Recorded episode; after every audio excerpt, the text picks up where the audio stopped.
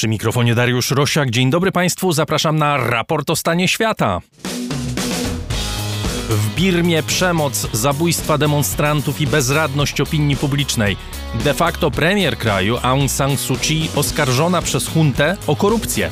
Sąd Najwyższy Brazylii anuluje wyrok za korupcję byłego prezydenta Luli da Silva.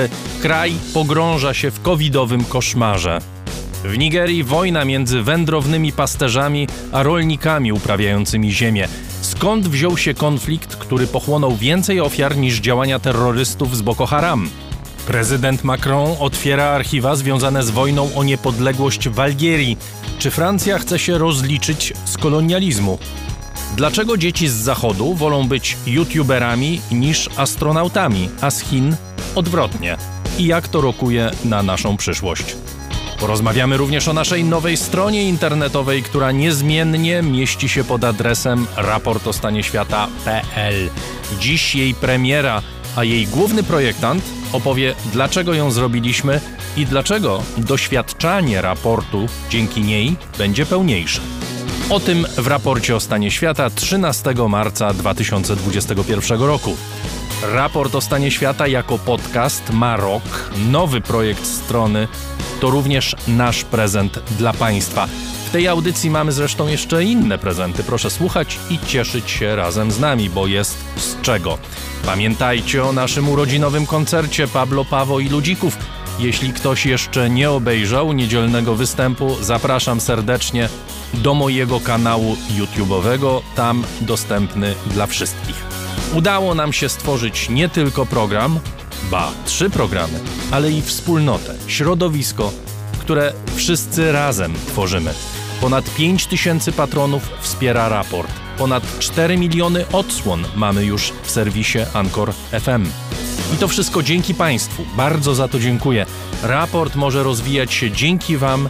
Wszystkich zachęcam do wspierania raportu o stanie świata. Najłatwiej zrobić to za pośrednictwem serwisu patronite.pl.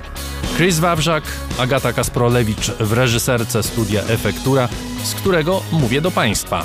Niech żyje raport o stanie świata.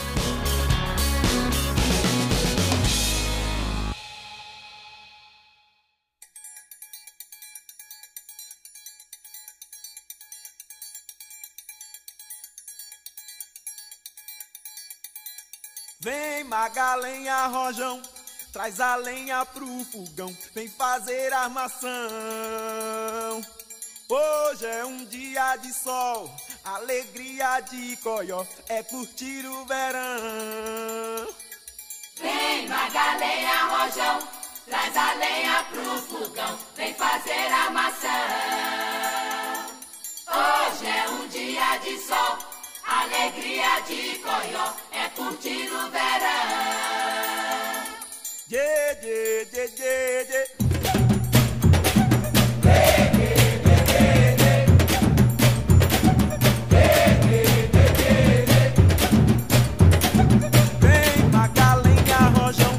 Traz a senha pro fogão, TTT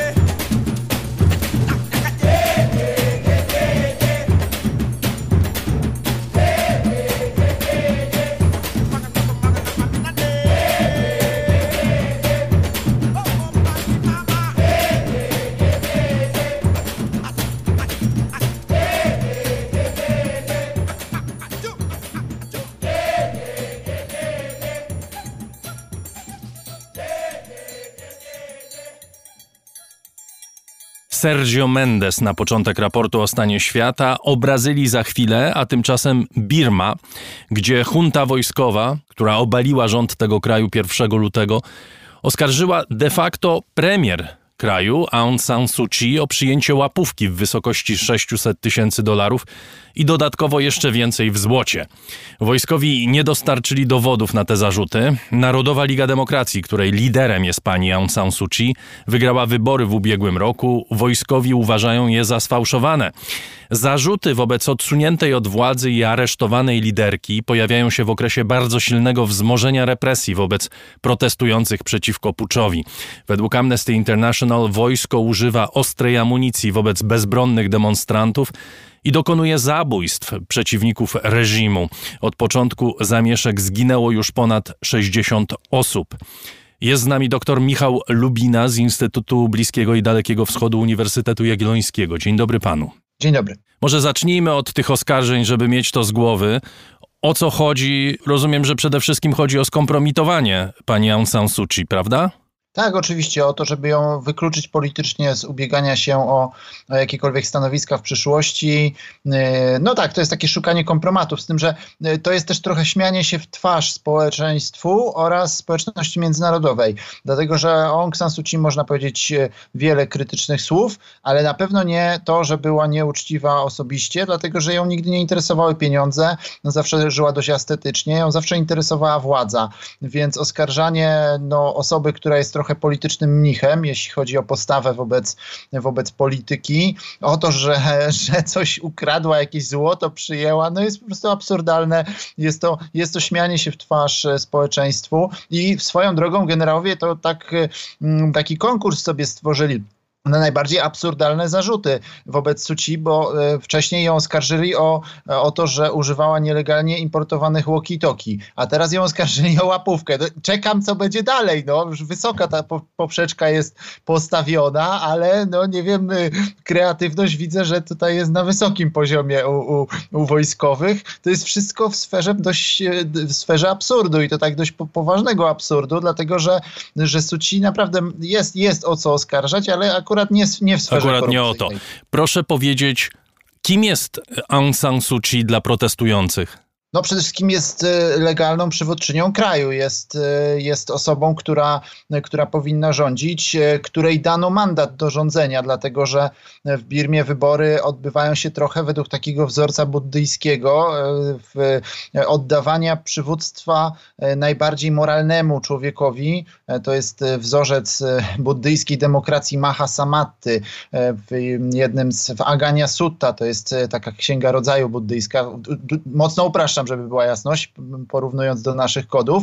Jest tam, że właśnie ludzkość w, na początku e, istnienia czasów e, była w, w tak fatalnym stanie, doszła do takiej, e, takiego upadku, że uznali, że coś trzeba z tym zrobić i oddali, uwaga, pełnię władzy najbardziej moralnemu z nich, najlepszemu z nich, Mahasamacie właśnie. No i on wtedy ustanowił, zrobił porządek. Bardzo ważne w tym jest ta, właśnie takie przekonanie, że to jest osoba najlepsza w sensie moralnym. I dlatego Suci wygrywa, wygrała te wybory, podobnie jak poprzednią, miażdżącą przewagą, dlatego że poprzednio uzyskała 78% miejsc dostępnych w parlamencie, a teraz 83%.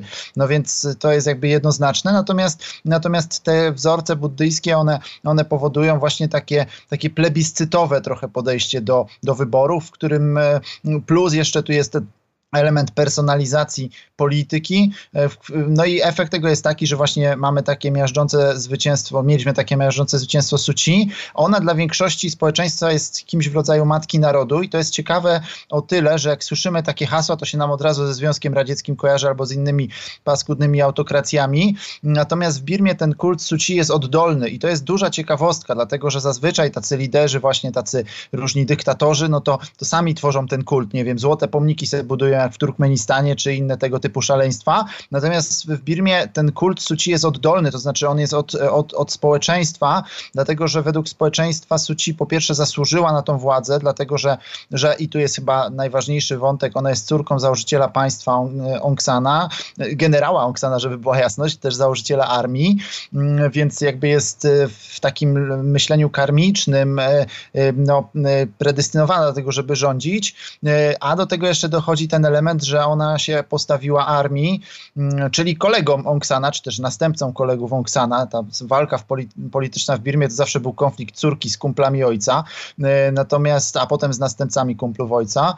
W każdym razie to, to bardzo, to, to jakby z punktu widzenia społecznego ona, ona ma prawo do rządzenia, no i w kolejnych wyborach oni jej dają ten mandat, ale myślę, że najważniejsze jest to, że ona w oczach społeczeństwa zasłużyła na tą władzę, dlatego że ona się osobiście poświęciła, ona straciła rodzinę, junta jej zniszczyła rodzinę, zabrała jej 15 lat wolności, no i e, ona to wszystko wytrzymała i żeby i dalej walczyła z tą armią. I to jest e, ważne też, y, panie Michale, kilkakrotnie żeśmy o tym rozmawiali, mhm. Y, więc możemy to tylko zasygnalizować, ale y, oskarżenia, które pojawiają się do tej pory na Zachodzie w związku z jej rzekomym lekceważeniem tego, co stało się z Rohingjami, y, masakr i wypędzeń, które miały miejsce w ostatnich latach, to w żaden sposób nie wpływa na wizerunek pani Aung San Suu Kyi wśród rodaków. Tak, tak, oczywiście, dlatego że, że to po pierwsze to nie jest za bardzo kwestia birmańska, jeżeli jest to tylko jako reakcja na krytykę świata, a po drugie, jeżeli już jest jakaś reakcja Birmańczyków, no wewnętrznie to wręcz pomogła ta krytyka Suci jej, dlatego że, że Birmańczycy się zjednoczyli w takim odruchu obcy matkę biją. No i w momencie, kiedy świat zaczął krytykować Suci, no to w tym momencie tym bardziej zaczęło się, zaczęło się jednoczenie wokół lidera to się ładnie nazywa w ogóle jednoczenie wokół sztandaru, tak? To model na, nacjonalistyczny, uniwersalny na całym świecie. W każdym razie, ale jest jeszcze jeden, także tak, te Rohingya to, to, to, to nie miało wpływu, a jeśli miało, to wewnętrznie pozytywny dla niej, natomiast no oczywiście międzynarodowo osłabiło ją, no bo, no bo z wiadomych przyczyn. Także ona miała zawsze dwie karty w walce z armią, to znaczy poparcie społeczne i wsparcie zagranicy, no i kryzys Rohingya i zabrał to, to wsparcie zagranicy, także straciła na tym per saldo. Natomiast, natomiast społecznie, lokalnie, no to, to nic nie straciła straciła, a może nawet zyskała. Natomiast jeszcze jest jeden ważny element i tu już postawię tę kropkę nad i, żebyśmy mogli przejść dalej do innych wątków. Mm, ona jest tak uwielbiana w Birmie z kilku powodów, o których już tu mówiłem, ale najważniejszy z tych wszystkich jest taki, że ona jest społecznie traktowana jako, jako tarcza przed armią, dlatego że armia jest znienawidzona w Birmie, armia jest, armia się postrzega słusznie zresztą za winowajczynię upadku tego kraju, no i Sucie jest tą symboliczną tarczą, która broni ludzi przed armią, no i, i, i dlatego właśnie ona jest e, twarzą tych protestów, aczkolwiek trzeba powiedzieć, że protesty są szersze, to nie, nie, nie są protesty tylko o Suci, to są przede wszystkim protesty przeciwko armii. Porozmawiajmy o tych protestach. One się nie kończą, a równocześnie niczego zasadniczo y, nie zmieniają. Czy to oznacza, że przemoc, która jest stosowana przez armię, działa? trochę działa, natomiast wciąż nie przestraszyła społeczeństwa. Jest to jednak imponujące, że tak długo, że tak długo wytrzymują ponieważ no już mamy ponad miesiąc y, y, tych protestów i mamy, mamy tą przemoc armii. Przemoc armii jest y, charakterystyczna, dlatego że ona ma bardzo prosty cel i tym celem jest zastraszyć społeczeństwo. Chodzi o to, żeby ludzie przestali demonstrować i formy tego zastraszania są różne. Pobicia, aresztowania, też zabójstwa, tłumienie tych protestów w różny sposób. Proszę powiedzieć, jaka jest skala tej przemocy i prześladowań, bo Amnesty International International mówi o planowych zabójstwach, to znaczy o selekcjonowaniu ludzi i po prostu zabijaniu ich przez y, policję czy przez służby bezpieczeństwa, o więzieniu ludzi, o mm, zastraszaniu, właśnie o czym pan wspomina. Jaka to jest skala przemocy i jaka jest skala protestu? O, może nie powinienem tego mówić, bo jestem całym sercem za tymi protestującymi. Natomiast jak na Birmę, to skala nie jest aż tak duża, dlatego że zginęło na razie 60 osób, a aresztowanych jest ponad 1000 i to może oczywiście, i to brzmi fatalnie i to jest straszne. Natomiast jak porównamy do poprzedniej pacyfikacji armii e, w 88 roku, wtedy zabili 3000 ludzi ponad na ulicach e, i drugie tyle uciekło z kraju i było aresztowanych. Także, także to, ta skala obecna to jest jeszcze dość mała jak na warunki armii birmańskiej. Oni naprawdę mogą gorzej i zresztą sami mówią wprost, generał Min Online, szef hunty, powiedział wprost, że użycie, użycie sił jest minimalne. I teraz no, brzmi to okropnie, ale jak, jakby nie spojrzeć jak na nich, jak na tą zbrodniczą organizację, jak na to, co oni potrafią zrobić, to naprawdę na razie jeszcze e, jakby całkowicie, całkiem po bandzie jeszcze nie poszli. Także, e, także to jeszcze niestety wciąż wisi nad, nad tymi e, ludźmi, że, że, że armia jeszcze po prostu, po prostu zacznie do nich strzelać masowo. Na razie to rzeczywiście takie są działania selektywne. Mm, one są na, na, na kilku płaszczyznach selektywne. No, po pierwsze wyłapują, starają się wyłapać przywódców, ale to jest trudne, bo to jest raczej bezprzywódcze, bezprzywódczy ruch. Więc, I tego za bardzo generałowie nie rozumieją, ale to może o tym za chwilę, bo to jest inny inny wątek e, równie ciekawy. Plus do tego dochodzą selektywne e, zabójstwa trakcie tych protestów. Snajperzy strzelają do ludzi, ale to, to bardziej na takiej zasadzie, że po prostu zabiją kilku, żeby przestraszyć resztę. No więc to też jest jakby bardzo świadome działanie. Natomiast no jak porównamy z 88 rokiem, no to tam wtedy po prostu wyciągnęli karabiny maszynowe i strzelali seriami po, po ludziach i pozabijali ich wszystkich na ulicach. To była egzekucja na własnym narodzie. Także ten, tego jeszcze nie zrobili teraz. Ale to oczywiście w każdej chwili zawsze mogą zrobić, tak? No bo to jest, ta armia birmańska jest jedną z najbardziej zbrodniczych armii na świecie, jeśli nie najbardziej, więc, więc są do tego zdolni. Dobrze, przejdźmy do tego, o czym pan wspomniał. To jest ruch bez przywódców. Czy to jest ruch, który ma szansę cokolwiek zmienić? Czy te protesty, krótko mówiąc, mogą przerodzić się w ruch polityczny, który jest jakimkolwiek zagrożeniem politycznym dla armii, a przynajmniej czymś, co armia będzie musiała wziąć pod uwagę? wszyscy mamy nadzieję, że tak się stanie, natomiast jest to mało prawdopodobne, dlatego że, no, że nie ma za bardzo sił politycznych alternatywnych wobec armii w kraju, którym armia zjadła państwo, dlatego że Birma jest de facto państwem wojskowym. Birma jest państwem, które, e, tak jak kiedyś to e, Mirabeau powiedział w XVIII wieku o Prusach, że różne państwa mają armię, a Prusy to jest e, armia, która ma, ma państwo. No i to jest właśnie, tak jest właśnie z Birmą. To jest, to jest armia, która ma państwo.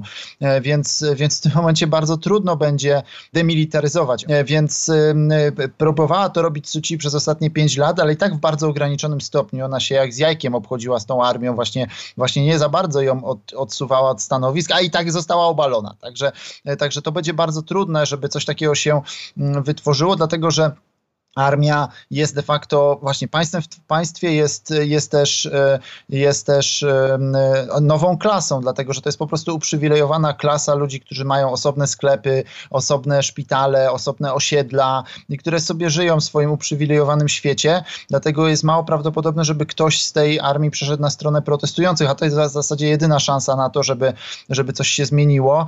No bo e, teraz. Dobrze, to w takim razie w jakim kierunku to pójdzie, panie doktorze? W jakim kierunku to może może iść. Mamy jeszcze jeden element. Mówi pan, no rysuje pan jednoznaczny obraz tego, co się dzieje w kraju. Mamy jakieś tam naciski z zewnątrz. Wygląda na to, że wpływ Stanów Zjednoczonych na, na generałów jest bardzo ograniczony. O Unii Europejskiej w ogóle nie ma sensu mówić. Natomiast mieliśmy niedawno wizytę wyznaczonego przez wojskowych ministra spraw zagranicznych w Bangkoku stanowisko państw sąsiednich i w ogóle państw regionu, zwłaszcza Chin, nie jest jednoznaczne. Czy jakiekolwiek naciski z zewnątrz mogą wpłynąć na huntę wojskową w Birmie? Y, raczej nie, natomiast nie zaszkodzą. Y, jeszcze bym jedną rzecz chciał dopowiedzieć, a mianowicie te protesty i postawa armii, no to jest w sumie trochę takie kto kogo wyczeka. Y, no i w tym wyczekiwaniu wydaje się, że armia ma więcej, więcej zasobów dlatego że ludzie, którzy strajkują, bo to jest, e, widzimy protesty, ale najbardziej kąsają armię ci, którzy nie przychodzą do pracy i strajkują w niej albo stosują strajk włoski. No to e, na razie są na przykład na bezpłatnych urlopach część urzędników, no ale kiedyś wrócą do tej pracy, bo im pieniędzy zabraknie. No więc, e, więc a armia nie ma tego problemu. Armia ma dość duże mm, rezerwy finansowe. No a teraz, jeżeli chodzi o, o zagranicę. Wpływ Zachodu to jest w ogóle tak mały, że to w ogóle nie szkoda czasu na to, żeby o tym mówić. Natomiast Natomiast rzeczywiście, jeżeli chodzi o państwa azjatyckie, to ten wpływ tutaj jest i właściwie jedyne, co może zrobić Zachód i wszyscy ci, którzy dobrze życzą Birmie, no to apelować do takich krajów jak Singapur o to, żeby tych generałów trochę przycisnął, ponieważ Singapur jest bardzo ważny, bo generałowie tam trzymają swoje pieniądze i tam nawet część generałów tam swoje rodziny wysłała na początku, jak były protesty. To dość znane było wydarzenie w Birmie, że nocą samolot wyleciał z, ze stolicy z żonami, synami, córkami do, do Singapuru, więc, więc, więc Singapur jest tu kluczem, obok Chin oczywiście. Chiny, a na drugim miejscu Singapur, ale Zachód ma większy wpływ na Singapur niż na Chiny. No więc one mo mogą zrobić i tak naprawdę najważniejsze jest to jedyna jakby, jedyna możliwość, która jest, która nie jest fatalna, tak? No bo fatalna możliwość jest taka, że jeszcze więcej krwi się poleje i, i ta junta pozostanie w tej władzy po prostu przez, przez najbliższe dekady. Kraj się stoczy, e, będzie, będzie w, w, w ruinie, tak jak był przed, e, przed 2011 rokiem. Więc jedyna alternatywna możliwość, jakaś w miarę realistyczna, jest taka, e, która by wymagała zachowania twarzy przez armię.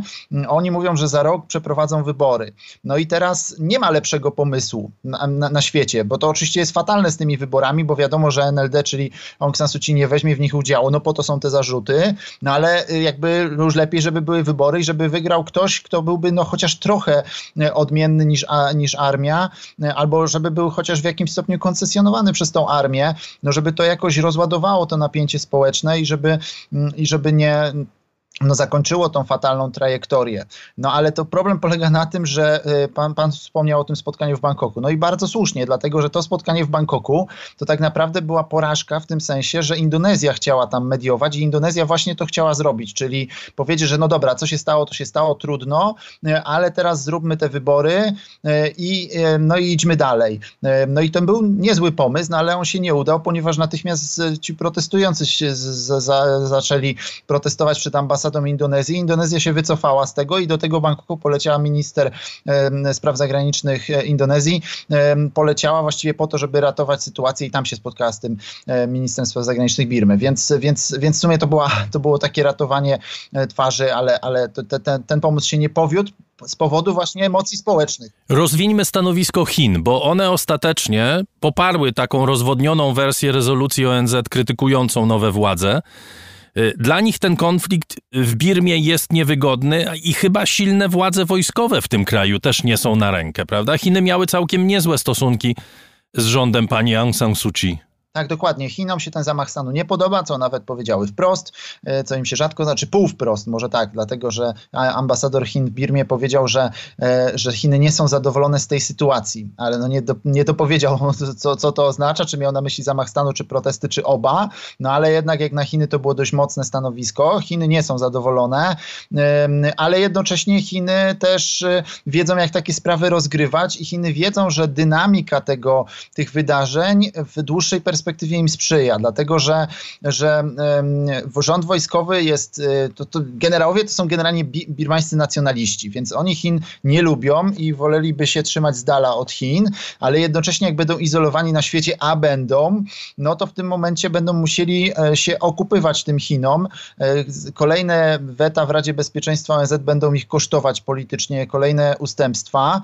No i efekt tego jest taki, że im bardziej będzie izolowana Birma międzynarodowo, tym bardziej generałowie będą wisieć na Chinach i tym bardziej Chińczycy będą im wystawiać kolejne rachunki. I te rachunki będą rosnąć za opiekę międzynarodową. I ja właśnie w tym kontekście czytam kolejne działania chińskie, które no rzeczywiście przyłączają się do, do, do oświadczeń Rady Bezpieczeństwa ONZ i, i wcale tak nie bronią tych generałów, jak bardzo by się chcia jak, jak, jak ci generałowie by chcieli, no co dla mnie jest czytelnym zagraniem, że Chińczycy mówią generałom, że do rachunek rośnie, nie będziemy was bronić za darmo, a jest sporo rzeczy, które w Birmie Chiny chciałyby uzyskać i od, mają już ją podpisaną specjalną strefę ekonomiczną, ale ona jeszcze nie powstała, w sensie jest w budowie, mają e, pod Rangunem, mają taką inną, e, no, nowe miasto, taki projekt, mają na pograniczu trochę, e, trochę też e, interesów, także tam jest naprawdę dużo rzeczy, które mogą wygrać kolej, kolej do, do Mandalay, także, także dużo tego, plus ochrona tego, co już jest, czyli gazociąg i ropociąg, więc, więc dużo tego, plus oczywiście jak im się uda, no to jeszcze tam Mitson, natomiast i to wszystko mam wrażenie, z Mitson nie jestem pewien, ale myślę, że to jest taki papierek lakmusowy tego, jak to będzie wyglądać, natomiast, natomiast z pozostałymi myślę, że na pewno to mm, to zrealizują, co nie zmienia faktu, że Chiny nie są zadowolone w tym sensie, że one by chciały i rubla zyskać i cnoty nie stracić, a rubla zyskają, jestem pewien, ale z cnotą będzie gorzej, dlatego że Birmańczycy teraz ewidentnie oskarżają Chiny o poparcie hunty i jakby i masz Chin ciężko odbudowywany, z trudem odbudowywany przez ostatnie lata, no runął teraz w Birmie, więc, więc, więc to też nie jest sytuacja idealna dla Chin, ale mimo wszystko uważam, że one na tym wyjdą zwycięsko. Bardzo dziękuję. Dr Michał Lubina z Instytutu Bliskiego i Dalekiego Wschodu Uniwersytetu Jagiellońskiego był gościem raportu o stanie świata. Dziękuję.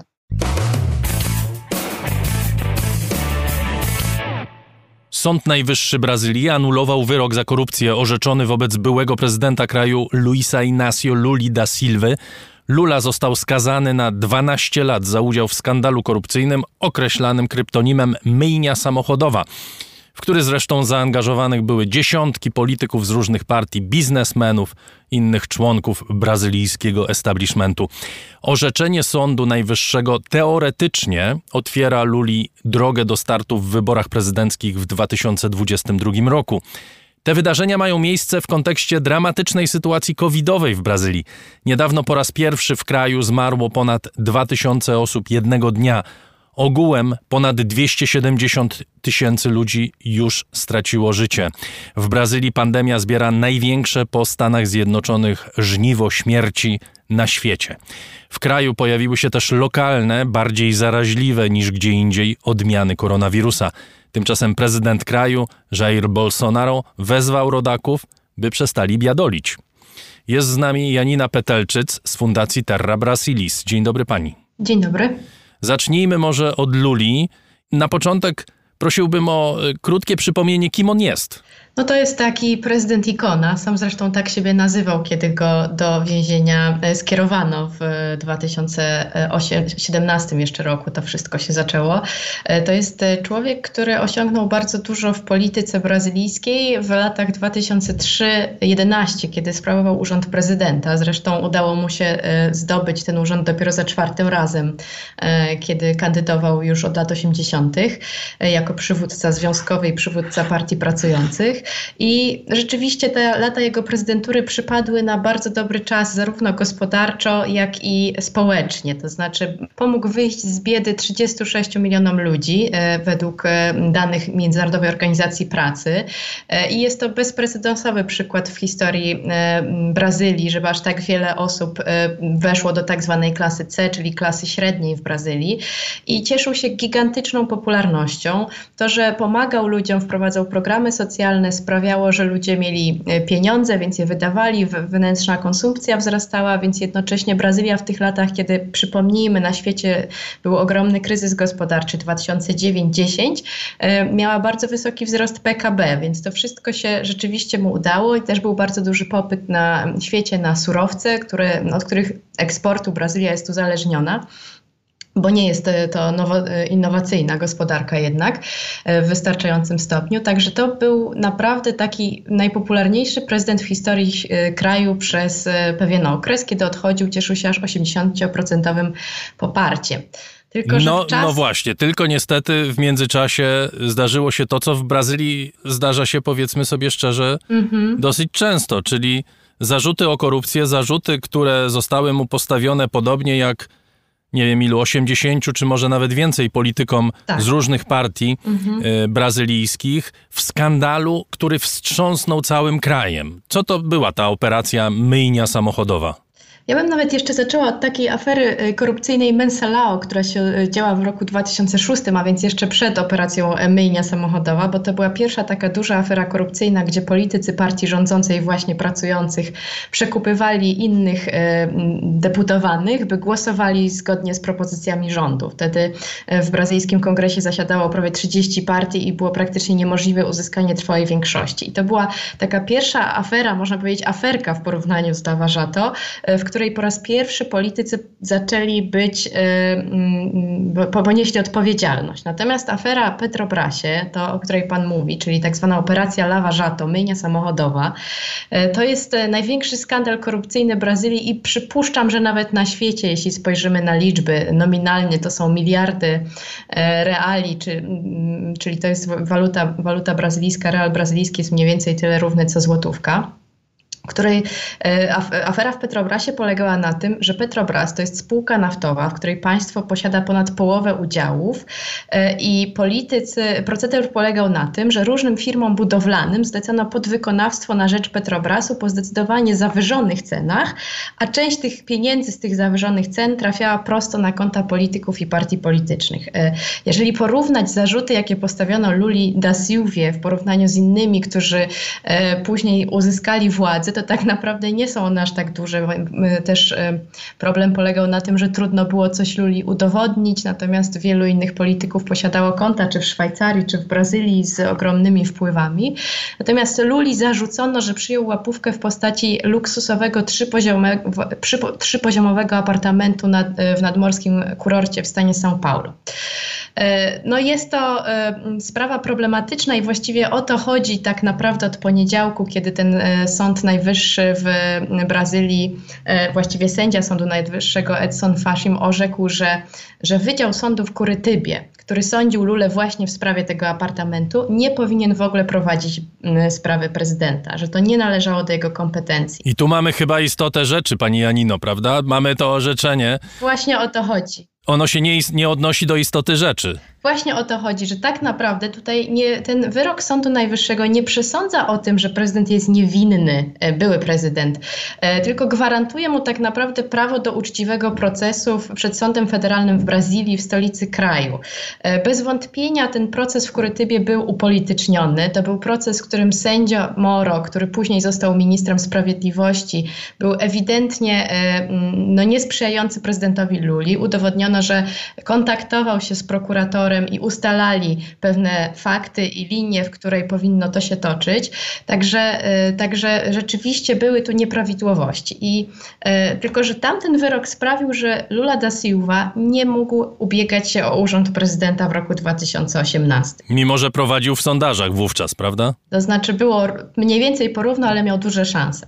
Natomiast y, w tym momencie ten, ta decyzja Sądu Najwyższego nie oznacza, że Lula jest niewinny, oznacza, ma, że ma on prawo do e, uczciwego, rzetelnego procesu. Natomiast co jest kluczowe i istotne w naszej rozmowie, to jest to, że Lula da Silva odzyskał prawa polityczne. To znaczy może w przyszłym roku kandydować w wyborach prezydenckich, bo mało jest prawdopodobne, że nawet jeżeli prokurator generalny w Brazylii odwoła się od tego wyroku, że zdąży się ta sprawa tak przetoczyć, że Lula da Silva traci, e, e, trafi znowu do więzienia, a przynajmniej nie będzie mógł kandydować. Natomiast czy on będzie w ogóle chciał kandydować, to jeszcze tak naprawdę wcale tego nie wiemy. Na razie wiemy to, co wiemy, czyli Al Capone poszedł siedzieć za podatki. A Lula wyszedł, powiedzmy, bo jego sprawa była sądzona w nieodpowiednim mieście. Praktycznie to się do tego sprowadza. No ale... przez stronniczego sędziego, ale też przypomnijmy, że Lula ma jeszcze cztery inne sprawy, które się toczą, więc to nie jest tak, że tutaj jest to polityk bez skazy, o którym, e, który, który będzie zupełnie nowym, e, nową postacią w brazylijskiej polityce, bo tak na pewno nie jest. Mówi pani, że nie jest do końca jasne, czy on będzie kandydował. Mhm. Już wypowiedział się, pierwsza jego wypowiedź po tym orzeczeniu, orzeczeniu Sądu Najwyższego dotyczyła oczywiście postawy prezydenta Jaira Bolsonaro y, wobec y, pandemii. Jakie szanse miałby Lula, zwłaszcza właśnie w związku z tym dramatem pandemicznym w Brazylii, który ma miejsce w tej chwili? No to jest właśnie chyba bardzo istotna sprawa, bo y, rzeczywiście jest tak, że y, Lula odzyskał te prawa polityczne, ale odzyskał je w kraju pogrążonym naprawdę w głębokim kryzysie, właśnie przede wszystkim przez pandemię COVID. To jest to, o czym Pan mówił na początku. To jest drugi najbardziej dotknięty kraj pod względem y, śmierci y, zaraz po Stanach Zjednoczonych i obecnie co dziesiąty oficjalnie zakażony człowiek na świecie y, był lub jest Brazylijczykiem, a obecny prezydent Jair Bolsonaro właściwie jest, można powiedzieć, powiedzieć nieobecny, znaczy jest obecny w walce z pandemią, ale... Mm, po stronie pandemii. E, najpierw się śmiał z tej choroby, później uznał, że bardzo łatwo ją się da wyleczyć chlorochiną, czemu lekarze i farmaceuci przeczyli. E, później kpił sobie ze szczepionek, że przecież e, kobietom urosną brody, a mężczyźni zamienią się w aligatory. Utrudnia ich sprowadzanie, utrudnia ich produkcję, bo stany poszczególne w Brazylii, szczególnie stan São Paulo i gubernator João Doria tutaj wiedzie prym i udaje się już produkować część e, szczepionek na licencji, licencji chińskiej w e, São Paulo, e, to prezydent Bolsonaro utrudniał. Także jest to, jest to coś, od czego nawet Lula da Silva zaczął swoje wystąpienie. On powiedział na samym początku: Mam nadzieję, że wszyscy macie maski i że wszyscy trzymacie dystans i wkrótce zostaniecie zaszczepieni. A później zarzucał Bolsonaro, że właściwie Brazylia nie ma w tej chwili rządu, nie ma władzy centralnej, bo to, co robi rząd, tego nie można nazwać e, panowaniem nad sytuacją, więc tak jakby uderzył od tej strony i rzeczywiście jest tak, że chociaż e, Lula nie powiedział oficjalnie, że będzie kandydował, to można trochę uznać to jego wystąpienie, e, to się odbyło w siedzibie Związku Zawodowego Metalowców, z którego on się wywodzi w mieście São Bernardo do Campo, jako taki pierwsze wystąpienie w kampanii prezydenckiej. Więc oficjalnie oczywiście się nie wypowiedział, mówił, że Partia Pracujących wystawi. Kandydata, ma nadzieję, że będzie to z blok lewicowy, ale y, no nie wiadomo, czy to będzie on. Później jeszcze to trwało ponad 80 minut, to jego wystąpienie. On tam mówił mm, o rzeczach, które można by nazwać programem czy manifestem politycznym, bo oprócz walki z COVID-em mówił też o y, promocji szczepień, powrotu do polityki proklimatycznej. Przypomnijmy, że wycinka i wypalanie lasów Amazonii y, dramatycznie przyspieszyło za czasów prezydenta Bolsonaro. Mówił o odbudowie pozycji kraju na arenie międzynarodowej, która jego zdaniem i chyba nie tylko jego jego zdecydowanie e, spadła. E, mówił o obronie różnych grup dyskryminowanych, bo Bolsonaro słynie z tego, że raczej nie stoi po stronie słabszych. Także no, nie będzie kandydatem oficjalnie, jeszcze nic nie wiadomo, no ale wszystko na to wskazuje, a sondaże rzeczywiście pokazują, że no, że Lula jest tym prezydentem byłym Brazylii, który gdyby kandydował w przyszłym roku, no to miałby rzeczywiście szansę. To znaczy w drugiej turze wielu różnych polityków według sondaży ma szansę pokonać Bolsonaro. Natomiast e, Lula miałby szansę bez wątpienia wejść do drugiej tury i tam już pokonałby e, obecnego prezydenta, jeśli się oczywiście nastroje nie zmienią. E, bo powiedzmy jeszcze, że Bolsonaro mimo tej polityki, mimo tego wyśmiewania, to o czym Pan mówił ostatnio, powiedział, żebyśmy nie, nie jęczeli, kiedy skończymy jęczeć i marudzić, musimy się wziąć do roboty, a nie się przejmować COVID-em, to mimo tych wszystkich jego słów, on ma cały czas duże 30% e, poparcie. To nie jest polityk, który zupełnie stracił na tym, w jaki sposób się wypowiada i jak rządzi Brazylią. Prawdopodobnie dlatego, że Brazylia jest takim samym krajem jak w tej chwili już chyba większość demokracji, to znaczy, że polityka ma charakter, nazwijmy to, tożsamościowy, prawda? To znaczy, cokolwiek nie zrobiłby Donald Trump, Jarosław Kaczyński, Viktor Orban, to są ludzie, którzy będą na nich głosować, albo mhm. ci, którzy, żeby nie wiem co zrobili w drugą stronę, to i tak na nich nigdy nie zagłosują. Ale wracając jeszcze do, do tematu COVID-u i Bolsonaro, mhm. wspomniała Pani o tym koszmarze, brakuje łóżek szpitalnych, oddziały intensywnej terapii, takie są doniesienia, są obciążone w skali 80-90% tak. w, w niektórych stanach. I ja rozumiem, że w zasadzie nie ma lockdownu. To znaczy, jak wspominają niektórzy naukowcy czy ludzie, którzy zajmują się COVID-em, Brazylia jest takim światowym laboratorium. To znaczy, ona pokazuje, co by się stało, gdyby nie stosowano jakichkolwiek ograniczeń. E, I tak i nie. To znaczy, to jest tak, że rząd centralny rzeczywiście tutaj ogranicza ten lockdown i e, dąży do tego, żeby go nie było, ale pamiętajmy, że Brazylia jest e, stanem federalnym podzielonym, krajem federalnym podzielonym na stany, które rzeczywiście wprowadzają swoją politykę. Najlepszym przykładem tego jest edukacja, gdzie rzeczywiście nie było takiego zamknięcia szkół na poziomie centralnym, ale różne stany i różne rodzaje szkół, bo też są publiczne i prywatne, przyjmowały swoją politykę, czyli niektóre rzeczywiście szkoły się zamykały, inne prowadziły zajęcia w, w trybie hybrydowym e, albo z większym dystansem, także tutaj nie ma takiego jednolitego, e, jednolitej polityki. E, wiele też zależy, jak już powiedziałam, od stanu.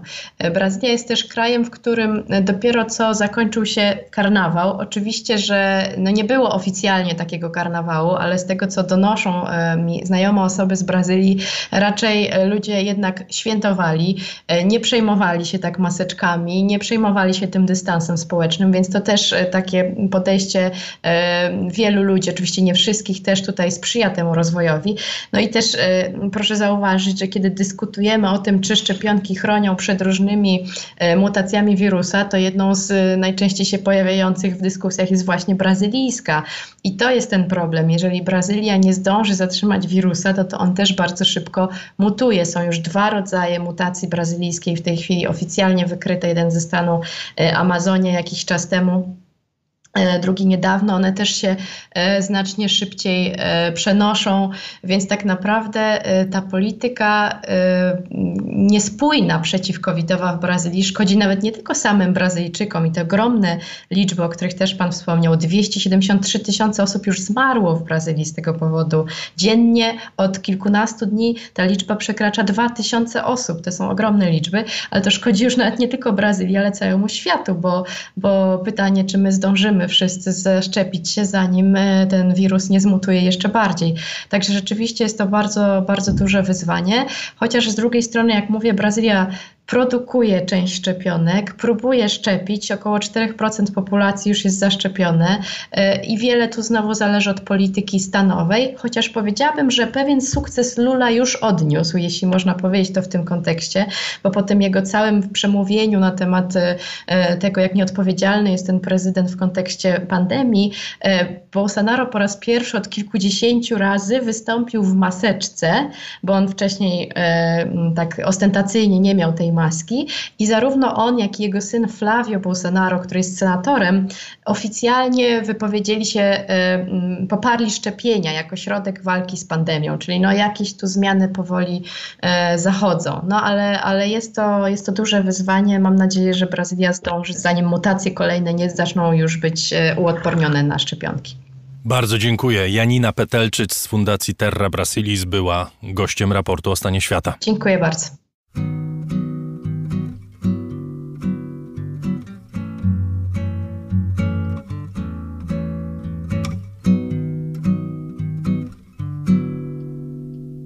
Eu faço sabe amor até mais tarde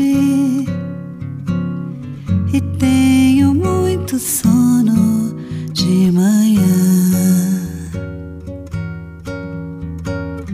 Escuto a correria da cidade que arde e apresso o dia de amanhã. De madrugada a gente ainda se ama e a fábrica começa a buzinar. O trânsito contorna nossa cama, reclama do nosso eterno espreguiçar. No colo da bem-vinda companheira, no corpo do bendito violão.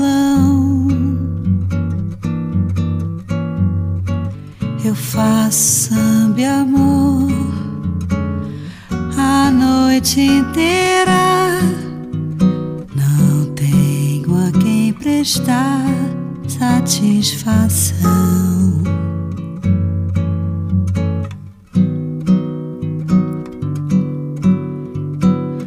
Eu faço samba amor até mais tarde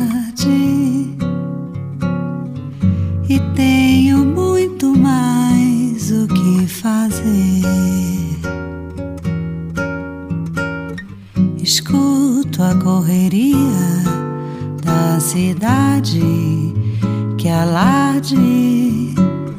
Será que é tão difícil amanhecer? Não sei se preguiçoso ou se covarde. Debaixo do meu cobertor de lã, eu faço samba amor até mais tarde. Tenho muito sono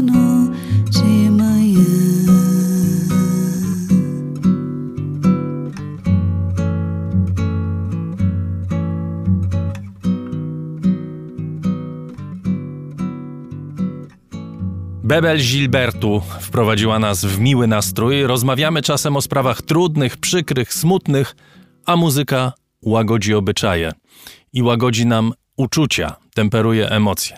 Tak mamy w raporcie. A skoro o muzyce mowa, przypominam Państwu o naszej playliście na Spotify. Raport Rosiaka i jego muzyka 2021, a w niej wszystkie utwory muzyczne z raportów o stanie świata i raportów o książkach. Jeszcze o raportowej muzyce będzie w tym programie i to z nagrodami, ale to dla wytrwałych. Nagrody mamy, bo ciągle obchodzimy urodziny. Raport ma rok w podcaście, dorastamy szybko. Od dziś mamy nową stronę internetową. Przez rok nasz program tak się rozrósł, że stara strona nie zdążała, więc zmieniamy ją. Autor nowego projektu, Paweł Nowy Nowak, jest z nami. Witam Cię, Pawle. Dzień dobry. Paweł jest również patronem raportu, więc potraktował nas i Państwa nadzwyczaj wyjątkowo. Zanim powiemy, co się zmieni, to może powiedzmy, po co w ogóle to zrobiliśmy. Dlaczego, może zacznę od takiego ogólnego pytania, dlaczego w ogóle unowocześnia się strony internetowe? Co takiego jest, co każe yy, na przykład Tobie spojrzeć na stronę internetową i powiedzieć, dobrze by było, żeby ona trochę inaczej wyglądała? To jest y, bardzo dobre pytanie i ono nie, nie, ma takiej oczywistej odpowiedzi. Jeżeli chodzi o strony internetowe, czy w ogóle o rozwiązania techniczne, unowocześnianie wynika z dwóch rzeczy. Z jednej strony jest to taka potrzeba wynikająca trochę często sztucznie napędzonego rynku i, i rozwoju technologii, że musimy dostosowywać się do zmian takich technicznych, stąd, stąd trzeba aktualizować różnego rodzaju rozwiązania, z, czego wynikała zmiana na stronie raportu i też to, co przyświeca nam projektując rozwiązania, jest to, żeby odpowiedzieć na bieżące potrzeby, ale także przyszłe potrzeby użytkowników strony. Czyli musi to być bardziej funkcjonalne niż było. O to chodzi, tak? Bardziej funkcjonalne, bardziej dostępne, zapewniające większą użyteczność, poszerzające czy pogłębiające też doświadczenie użytkownika. I to jest to, co staraliśmy się zrobić właśnie e, w nowej odsłonie strony. Odejść od e, takiej prostej prezentacji treści na rzecz zbudowania takiego bardziej dostępnego i i, i, głębszego doświadczenia interakcji słuchaczy raportu z, z, dodatkowymi treściami, ale także z samą audycją. To powiedz, jakie nowe funkcje będą na tej stronie? Z nowych funkcji wydaje nam się, że to jest jedna z, z takich większych rzeczy, które udało nam się wprowadzić, to jest player, czyli będzie można e, słuchać raportu o stanie świata bezpośrednio na stronie raportu o stanie świata bez konieczności korzystania e, z pluginów Spotify czy, czy Apple Podcast czy, czy jakiegokolwiek innego pluginu. E, będzie to player, który, czy jest to player, który, który jest u nas na stronie. E, to jest pierwsza rzecz. I z tym playerem wiążą się dodatkowe możliwości, ponieważ można będzie sobie bezpośrednio przejść do odpowiedniego fragmentu rozmowy prze, prze, przeglądając spis treści raportu, ale też jedna z takich ciekawostek, którą dodaliśmy do strony i w zasadzie to był też taki punkt wyjścia dla nas przy rozpoczęciu rozmów na temat zmiany projektu, to chcieliśmy dodać jakiś element, który pozwoli lepiej zrozumieć to, o czym jest mowa w raporcie. No i pierwszą taką intuicją było, że fajnie byłoby, jakby była mapa na stronie. Więc dodaliśmy do każdego odcinka raportu o stanie świata mapę, na której zaznaczone są miejsca, o których jest mowa w raporcie o stanie świata. I na tej mapie można kliknąć w pineskę pokazującej dany kraj, o, której, o którym jest mowa w raporcie, i bezpośrednio z tej pineski włączyć sobie fragment na temat danego kraju. Pawle, jak sam wiesz, to była jedna z rzeczy, której najbardziej brakowało naszym słuchaczom, to żeby można było słuchać fragmentami. Y, raport ma dwie godziny, nie wszyscy mogą słuchać jednym ciągiem. Niektórzy chcą na przykład również posłuchać y, pewnych rzeczy kilkakrotnie, prawda? I y, to jest całkowicie możliwe w tej chwili. Wystarczy właśnie kliknąć albo na pineskę, albo wchodząc w różnego rodzaju inne miejsca, na przykład poprzez archiwum, wyszukując treści, czy po prostu słuchając z odcinka, który jest używając pięknego polskiego słowa, zchapterowany, czyli podzielony na konkretne fragmenty i jasno opisany. Tak, y, dodaliśmy taką funkcjonalność y, archiwum raportu, który umożliwia przeglądanie wszystkich treści, jakie znajdują się na stronie, i to są zarówno treści audio, jak i y, treści różnego rodzaju artykuły, które, które znajdują się na stronie raportu o stanie świata.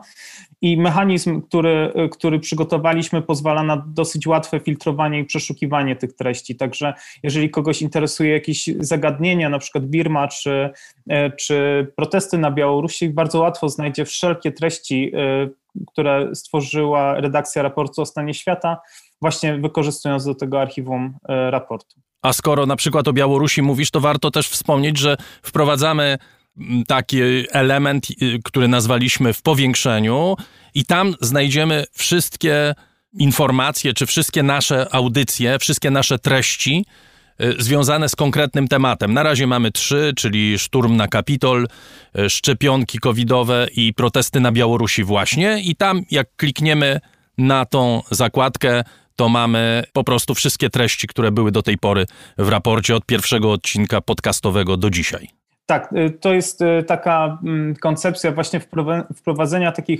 chronologicznej osi, y, osi czasu, która chronologicznie ustawia, w zasadzie w odwrotnej chronologii ustawia wydarzenia związane z jakimś konkretnym problemem czy zjawiskiem i to rozwiązanie już teraz funkcjonuje i tak jak właśnie wspomniałeś dla tych trzech tematów ale jakby rodzi się cała przestrzeń e, możliwości związana z tym, z tym konkretnym rozwiązaniem.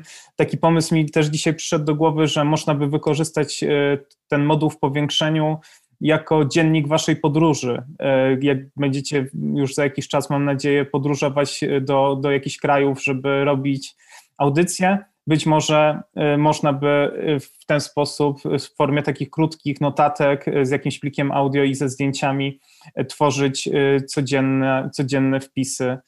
Super pomysł, od razu go przyjmujemy. Od razu, załatwione. tak będzie. To, to jest gotowa rzecz, która może zostać też w ten sposób użyta. Jeszcze warto zwrócić uwagę, mamy nowe słowo wymyśliliśmy i nową koncepcję, raportalia, a zatem wszystkie te drobne rzeczy, które wcale nie są drobne, bo one dodają e, wartości raportu, czyli takie rzeczy jak reportaże, jak 3R, jak świat z boku, e, czy wycinanki literackie. To wszystko jest zgrupowane w jednym miejscu i także jak kogoś interesują wyłącznie reportaże.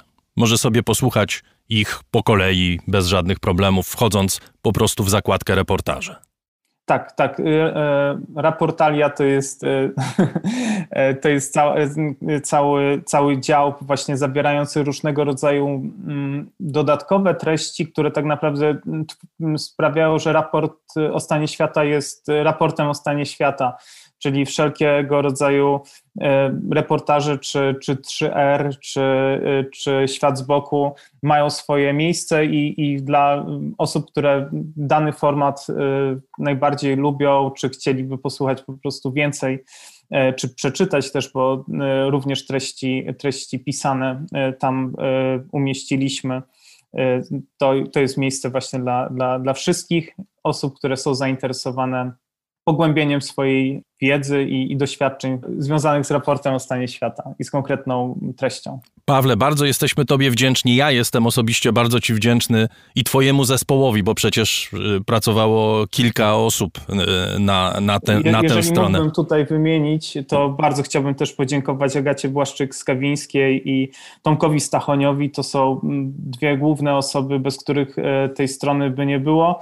Agata jest wspaniałą, wrażliwą projektantką i, i mm, no, twórczynią szaty graficznej, no a Tomek to jest świetny specjalista od, y, od y, technologii webowych, który, który wykonał technicznie projekt i no, w tym zespole przez kilka ostatnich miesięcy pracowaliśmy na to, żeby móc udostępnić y, Państwu ten projekt i bardzo jesteśmy szczęśliwi, że udało nam się w ten okres urodzinowy z tym projektem zdążyć.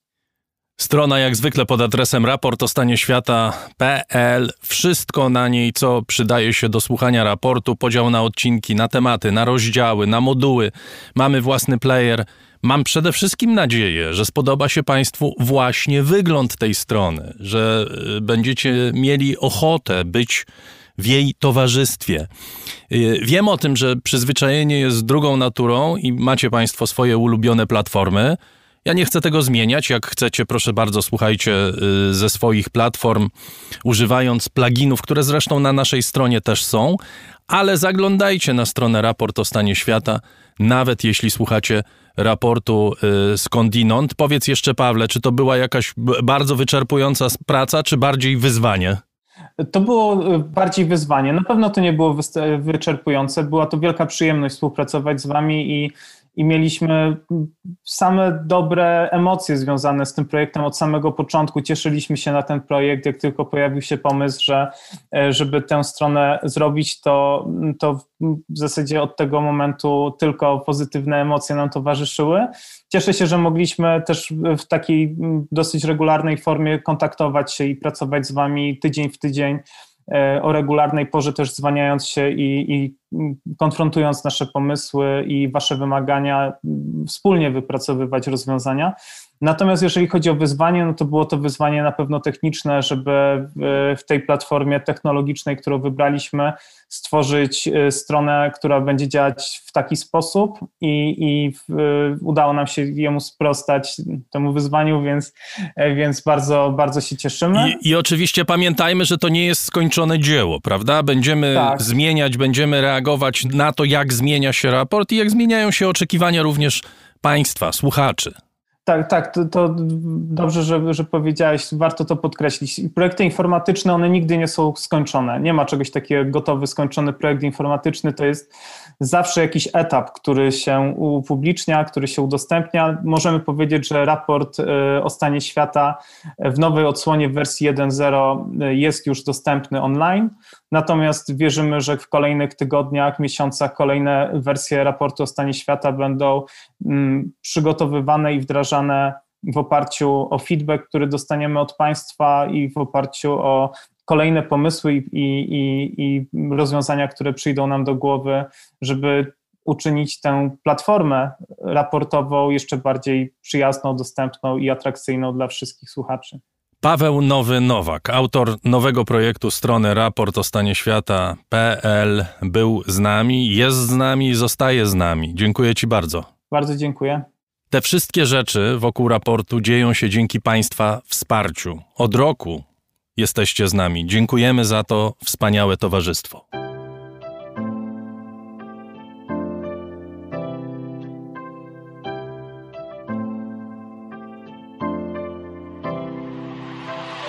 Raport o stanie świata od marca ubiegłego roku rozwija się dzięki Państwa zaangażowaniu i szczodrości. To dzięki Wam możemy opowiadać o świecie przy pomocy dźwięków. Dzięki Wam ten program może być przygotowywany w profesjonalny sposób z zachowaniem najwyższej jakości, bo na nią zasługują słuchacze raportu o stanie świata. Z serca dziękujemy wszystkim Państwu za wpłaty. Wasza hojność jest dla nas ogromnym zobowiązaniem Zbiórka na patronite.pl ciągle trwa. Zachęcam do udziału w niej. Najhojniejsi patroni raportu o stanie świata to artrage.pl. Książki dostępne dla każdego za tyle, ile chcesz zapłacić. Bierz i czytaj. Firma Prosper z Sosnowca, hurtownia elektroenergetyczna i właściciel marki Czystuś. Firma Venterm, instalacje fotowoltaiczne z Dąbrowy koło Niepołomic. Magda Kras-Gorzkowska, właścicielka marki Miłomi Beauty, najmilszego day spa w Pruszkowie i okolicach. www.miłomibeauty.pl Catering dietetyczny Lightbox, oferujący dietę pudełkową z wyborem potraw z różnych kuchni świata. Michał Małkiewicz. Firma Software Mill. Od zawsze zdalni. Programują dla całego świata. Dom wydawniczy Muza. Bo świat nie jest nam obojętny. Firma Surfshark, dostawca sieci VPN, narzędzia, które zapewnia prywatność i bezpieczeństwo w sieci. Uber, myślimy globalnie, działamy lokalnie. A także firma Ampio Smart Home, BIMV.pl, kursy online dla inżynierów. Mariusz Drużyński, Galmet, polskie pompy ciepła. Tomasz Hunc, palarnia kawy La Cafo z Augustowa. Gosia i Michał Kowalczewscy. Alan Meller. Aplikacja Moja Gazetka. Polska proekologiczna aplikacja zakupowa z gazetkami promocyjnymi i nie tylko. Moja Gazetka. Kupuj mądrze. Paweł Nowy Nowak. Michał Piętoń, projektant znaków graficznych. Drukarnia cyfrowa totem.com.pl. Dla nas książka zasługuje na najwyższą jakość. Wydawnictwo Uniwersytetu Łódzkiego. Nauka w dobrym wydaniu. Fundacja Wasowskich, opiekująca się spuścizną Jerzego Wasowskiego i wydawca książek Grzegorza Wasowskiego. Szczegóły na wasowscy.com. Dziękujemy bardzo. To dzięki Państwu mamy raport o stanie świata.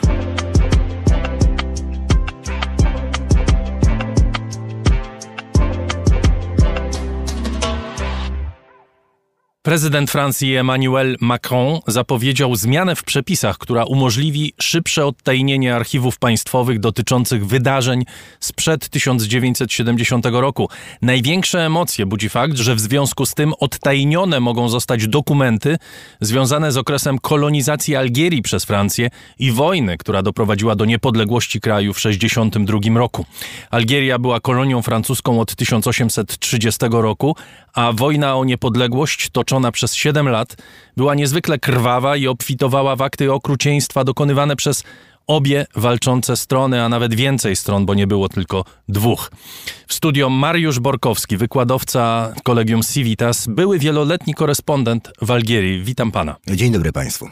Przed tygodniem francuski prezydent przyznał, że znany adwokat, działacz niepodległościowy Ali Boumangel nie popełnił samobójstwa w czasie tzw. Tak bitwy o Algier, tylko został zamordowany przez żołnierzy francuskich. Teraz mamy kolejną ważną decyzję dotyczącą przeszłości francusko-algierskiej. Czy to jest y, pańskim zdaniem zapowiedź takiej totalnej rewizji stosunku Francji do swojej roli jako kraju kolonialnego, zwłaszcza w odniesieniu do Algierii? To jest pierwszy dosyć znaczący krok, ale nie totalna rewizja. Pamiętajmy, że w wojnie algierskiej między Francją a powstańcami algierskimi brało udział, zostało dotkniętych w ten czy w inny sposób ponad 7 milionów obywateli francuskich, wciąż żyjących. Tam jest wiele trupów w, e, w, szafie po obu stronach. Adwokat, o którym pan wspomniał, Ali Boumengel, został nie zamordowany, tylko zadręczony torturami, trwającymi ponad tydzień. E, to A ostatecznie chyba wypadł z okna. No to wyrzucono już trupa Wyrzucono praktycznie. Zresztą okna, tak. to nie jest jedyny przypadek. Takich przypadków jest ponad tysiąc czy więcej, a w ogóle zamordowanych w czasie tej wojny czy zastrzelonych jest ponad pół miliona cywilów. Już nie mówimy o, o, stronach biorących udział. W związku z tym sytuacja jest niesłychanie bolesna, jeśli można powiedzieć to, co mówią historycy i politycy francuscy, że problem dekolonizacji czy tej wojny wyzwoleńczej w Algierii to jest najgorsza karta, jaka może być, najtrudniejsza karta, znacznie gorsza aniżeli współpraca między e, reżimem Vichy a Gestapo, hitlerowcami, prawda, czy Maj 68, zaburzenia i tego typu historie. A dlaczego? Dlatego, że tam jest mnóstwo kart no, zbrodni wojennych, krótko mówiąc.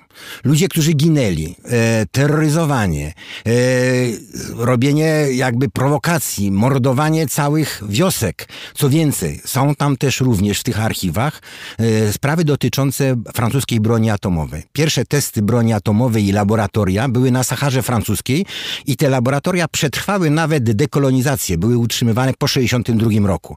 Tam są również jeszcze podejścia do różnych figur politycznych, zarówno po stronie algierskiej, jak i francuskiej, które w ten czy w inny sposób zapisały się de facto inaczej, aniżeli głosi to oficjalna historia. Oficjalna historia francuska. I algierska, ponieważ trupy są po obu stronach. Tak jak pan powiedział, że zbrodnie popełniały obie strony. Wojna była niesłychanie krwawa. Ci, którzy widzieli e, film Ponte Corvo, Bitwa o Algier, to mieli troszeczkę takie, taki pogląd, jak to, jak to wyglądało. E, w związku z tym trzeba powiedzieć też, że sytuacja jest niesłychanie skomplikowana. Pamiętajmy, że część Arabów opowiedziała się po stronie francuskiej, którzy uciekli, kolaboranci, tam się w Algierii o nich mówi, ale oni byli w wojsku francuskim, byli w policji francuskiej i oni popełniali zbrodnie, na nich powstańcy popełniali zbrodnie i tak to się wszystko toczyło. W związku z tym nie ma tutaj kart jednoznacznych. I wielu z nich jest... po wojnie Francja zostawiła, prawda? Francja to są tak zwani harkisi, ich tak. jest ponad dwa miliony. I teraz z rodzinami to już jest znacznie, znacznie więcej. Oni żyją we Francji, do Algierii nie bardzo mogą wrócić. Co więcej, dla Algierczyków też sytuacja jest niewygodna, ponieważ nie jest to czysta sytuacja. Oni głoszą, że było to powstanie narodowe, było to powstanie w dużej części muzułmańskie, prawda?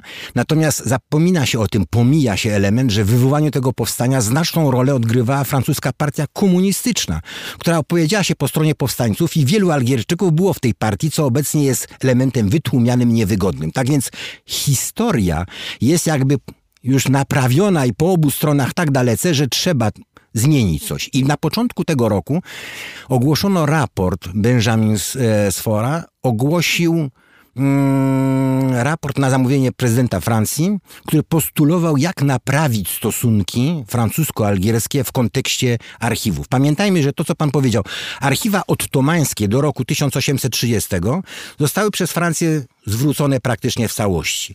Archiwa tak zwane zarządce administracyjne, czyli dotyczące sieci wodociągowej, infrastruktury, w pięciu transzach między 67 a 2001 roku zostało zwrócone. Do tego czasu niektóre elementy infrastruktury były w dokumentacji francuskiej po stronie francuskiej. Natomiast 10 kilometrów akt bieżących archiwów policyjnych, wojskowych, e, no i tak zwanych wrażliwych są w Aix-en-Provence, utajnione całkowicie, nie wolno do nich zajrzeć, a one tak naprawdę rzucają autentyczne, prawdziwe światło, co się zdarzyło jak wyglądała autentyczna historia. Tam jest zapisane to wszystko, o czym pan mówił. Te tak wszystkie jest. zbrodnie po obu stron po obu stronach są jest. udokumentowane. Algierczycy żądają, żeby Francuzi przekazali im całkowite te 110 kilometrów i wtedy można się jakoś dogadać. Z drugiej strony Francuzi tego nie bardzo chcą, no są to niewygodne elementy. I e, Benjamin zaproponował, żeby utworzyć specjalną komisję Pamięć i Prawda w Paryżu, która doprowadziłaby komisję historyków bo nie polityków, z obu stron, do jakiegoś modus vivendi, kompromisu. No, ujawnić wszystkiego Francja nie da. W związku z tym, w jakiś sposób, żeby znaleźć to porozumienie i wreszcie przygasić tą krwawą krwawy spadek. Ale problem polega na stronie francuskiej. Kiedy prezydent Francji zażądał tego raportu i dokonuje prób nie tylko pojednania, ale poprawy stosunków. Chodzi o rozszerzenie wpływów Francji oczywiście w basenie Morza Śródziemnego. To we Francji okaza, ukazało się e, takie wewnętrzne zarządzenie międzyministerialne, które mówi, że archiwa między rokiem 34, 1934 a chwilą obecną są, pozostają, jeśli mają stempel tajności, to pozostają tajne i mogą być odtajnione kartka po kartce wyłącznie w porozumieniu z e, no, mm, instancjami czy biurami, które je wytworzyły. Przemnażając to przez biurokrację francuską, oznacza, że jedna kartka będzie To odtajniana. znaczy, to jest paragraf 22. Nie Tak da jest. się tego zrobić. Zupełnie nie da się zrobić. Natomiast e, prawodawstwo francuskie, ustawa o archiwach, przewiduje, że po 50 latach odtajnia się wszystko z urzędu. Z wyjątkiem już niesłychanie wrażliwych danych, tajnych jakichś tam z danych wojskowych. I teraz jest sprzeczność. Badacze francuscy wnieśli sprzeciw do sądu, twierdząc, że uchwała, ustawa jest wyżej aniżeli zarządzenie międzyministerialne, które praktycznie paraliżuje i to zarządzenie mini- międzyministerialne wywodzące się z października zeszłego roku jest tak świeże, że może sparaliżować ten ruch Macrona mówiący o odtajnieniu. Nie wiemy w jakiej skali i na ile to odtajnienie będzie de facto możliwe. My mówimy o sprawach, które z jednej strony dotyczą wydarzeń z przełomu 50., 60. lat, ale mogą stać się bardzo drażliwe politycznie, bo pamiętajmy o tym, jak wielu Algierczyków żyje we Francji, prawda? To jest bardzo poważna diaspora. Wsadzenie kija w to mrowisko może spowodować no, poważne skutki polityczne, prawda? Przede wszystkim, jeśli chodzi o historię polityków francuskich, co oni naprawdę mówili oficjalnie, a co zarządzali? Kto stał za zbrodniami wojennymi? Nie, da, nie darmo to u, u, e, dekret, o którym mówiłem właściwie, ta zarządzenie międzyministerialne mówi, że wszystko od 1934 roku do chwili obecnej jest tajne. No bo chodzi o polityków francuskich, chodzi o konfidentów francuskich, którzy nadal żyją, czy też ich rodziny żyją w Algierii. Chodzi o polityków czynnych algierskich, którzy być może działali w ruchu wyzwoleńczym, ale jednocześnie pracowali też i dla Francuzów. To wszystko sprawia, że ta przeszłość może być nie tylko niesłychanie bolesna, jeśli chodzi o fakty historyczne, ale może zagrażać życiorysom, rodzinom nadal współcześnie żyjącym. No właśnie, my się koncentrujemy na Francji, ale proszę, bo pan spędził wiele lat y, w Algierii. Proszę powiedzieć, jak Algierczycy podchodzą do tego okresu? Algierczycy właśnie o tym okresie się mówi głównie oficjalnie. Rzeczywiście o torturach, o, o walce. E, wielu ludzi e, żyło jakby na marginesie tego wszystkiego. Pamiętajmy, że głównie obecna ludność wywodzi się ze wsi, z gór, z Kabyli, e, żyli na peryferiach miasta. Centrum Algieru, centrum Konstantyny, to byli głównie pied-noir, czyli pochodzący z Francji albo z Hiszpanii biedacy którzy tam byli robotnikami, to była uboga ludność, lumpenproletariat, który uciekł razem z Francuzami. Uciekli koloniści francuscy, uciekła cała administracja, natomiast część elity algierskiej, obecnie żyjącej, czy też e, ich e, dzieci, wnuki, e, albo mia- mieli jakieś kontakty, przy czym duża część została z nich, ci, którzy autentycznie byli zaangażowani w tym ruchu, zostali wybici, mówiąc nieładnie, przez e, bezpiekę francuską. Oni byli bardzo skuteczni i bitwa o Algier, likwidowanie tych wszystkich komórek. Mówi się, że gdyby nie porozumienia z Evian w 1962 roku, które przyniosły niepodległość Algierii, to tak naprawdę jeszcze rok, jeszcze dwa i ten ruch algierski by się załamał, bo wewnątrz powstańcy zostali zlikwidowani no, w 80%. Część sił zewnętrznych była w Tunezji, w Maroku, prawda, w Libii. To były wojska te zewnętrzne. Ale tak naprawdę nikt nie wie do tej pory, co się działo naprawdę i dużym nietaktem jest mówienie, a co twoja rodzina robiła w czasie... Każdy utrzymuje, że sprzyjał i popierał ruchowi wyzwoleńczemu, ale jak wiemy, w takich sytuacjach nie ma sytuacji czarno-białych. Często są sytuacje szare. Ludzie zmuszeni do współpracy, ludzie pasywni, ludzie nie, nie bardzo yy, angażujący się w te wszystkie sprawy. Natomiast obecnie chcący o tym zapomnieć i tworzący swoją historię jakby na nowo od 1962 roku. Pamiętajmy też, że w dużej części wielu przywódców wojskowych, wysokich oficerów, teraz odeszli już na emeryturę, to byli podoficerowie armii francuskiej walczącej w Indochinach. Między innymi były prezydent Chadli Benjedid, który został obalony w roku 91. On był e, starszym sierżantem w armii kolonialnej francuskiej i walczył przeciwko Wietkongowi w Chinach, e, w e, Wietnamie w 54 roku pod Dien Phu i tak dalej, i tak dalej. Wielu z tych ludzi służyło w różnych miejscach, potem albo zdezerterowało, albo odeszli, natomiast mają te karty, do których się nie przypominają. Pamiętajmy, że dla Algierczyków też to ta fuzja z, z Francją była bardzo, bardzo istotna, dlatego że Algieria nie była kolonią, wbrew temu, co się teraz powszechnie sądzi. To był departament zamorski Francji, ta Korsyka. To była tak część jak, Francji. to część Algierczycy Francji. byli Francuzami. Mówiło się po francusku, dokumenty Mhm. były francuskie, to byli obywatele francuscy, obieg pieniądza francuskiego, ściśle związanych właściwie ekonomicznie więzami z Francją i to rozerwanie tych więzów było też bolesne dla Algierczyków. Gdyby nie ropa naftowa i gaz, no to byłyby duże trudności ekonomiczne. Co więcej, w mentalności Algierczyków, no może nie tego najmłodszego pokolenia, pamiętajmy, że 60% urodziło się po 80 roku, ale ci, co byli wcześniej, dla nich jakością nie jest wyrób amerykański czy niemiecki Mercedes. Dla nich jakością jest, o, mam Peugeota. Mam e, wyroby francuskie. Jak jadą do Paryża, kupują wyroby francuskie i dla nich jest to przyjazd do metropolii, tak jak ktoś jedzie z Rzeszowa do Warszawy. Był w Warszawie, kupił sobie coś, coś dobrego, fajnego i się chwali wszystkim, o, to jest Warszawy właśnie.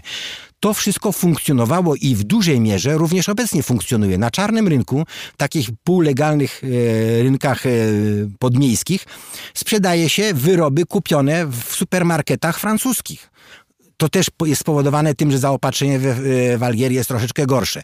No, A może czasami dużo gorsze i na tym się zarabia na różnicy pieniędzy. Ale cały czas tym mitycznym standardem jest Francja. Pojechać do Francji. Kiedy ograniczono liczbę wiz dla Algierczyków do Francji, to było najba- najbardziej bolesne uderzenie. Nie do Niemiec, nie do Hiszpanii, tylko nie mogę jechać do Francji. Ta Francja jest cały czas jak mówią, stosunek e, wielu Algierczyków jest tak zwanej miłości i nienawiści do Francji. Miłości, pragnienia, że bym by chciał być. Zresztą niektórzy e, intelektualiści algierscy mówią, w nas zawsze drzemie jakieś takie, takie, takie dwie osoby.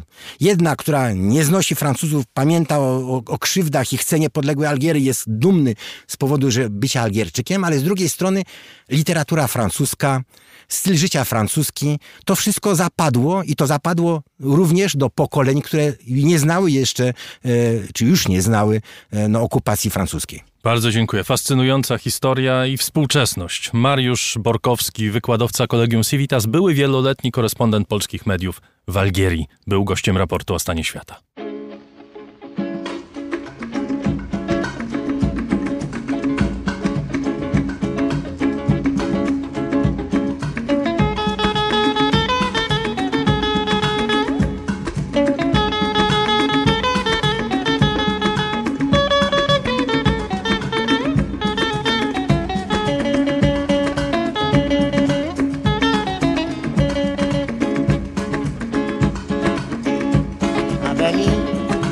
Gbogbo èmi sì bàdí ẹ̀. Abẹ́ni gbogbo èmi sì bàdí ẹ̀. Ìwà forí ọmọ ẹ̀ ṣeré, ìwà forí ọmọ tàkótó rọ̀ìrọ̀ì. Abẹ́ni o gbogbo èmi sì bàdí ẹ̀.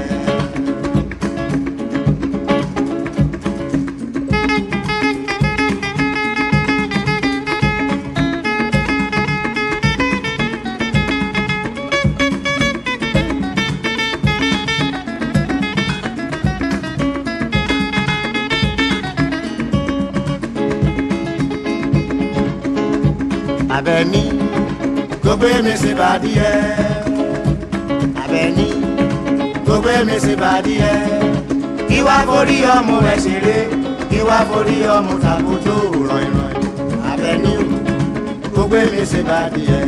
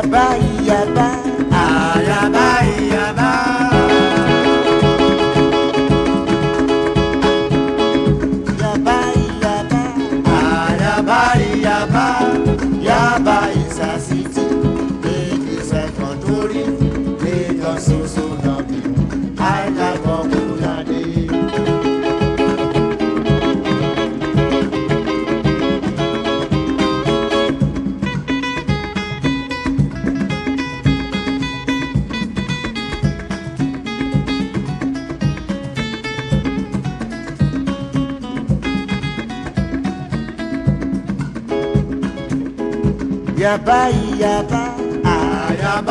yaba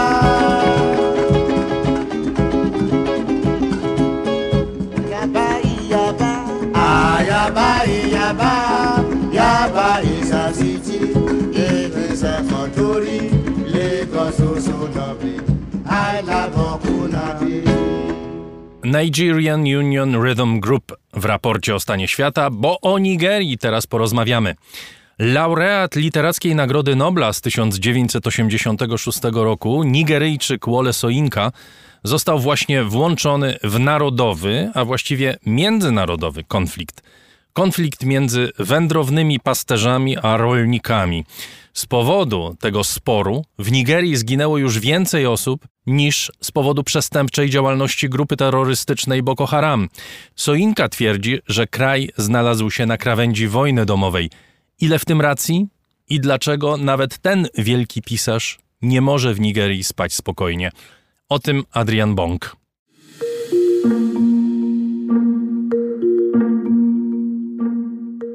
Ta historia zaczyna się niewinnie, bo też trzech sprawców albo sprawczyń przestępstwa, jakim było wtargnięcie na teren posesji jednego z najbardziej znanych i szanowanych Nigeryjczyków, trudno byłoby postawić przed sądem, jak tłumaczył chwilę później przedstawiciel policji Edward Ayogan w materiale nigeryjskiej telewizji TVC News. Uh, uh, 2 p.m. To stało się około godziny czwartej po południu. Trzy krowy przedarły się przez ten łańcuch oddzielający posesję laureata Nobla Wole Soinki i weszły na jej teren, po czym szybko zostały przegonione. Uh,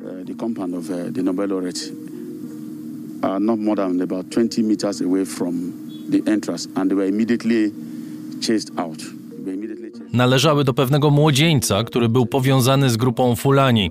A więc krowy, co prawda, weszły na teren posesji, ale nie wyrządziły żadnych szkód. I podkreślam, ten czyn nie był rozmyślny.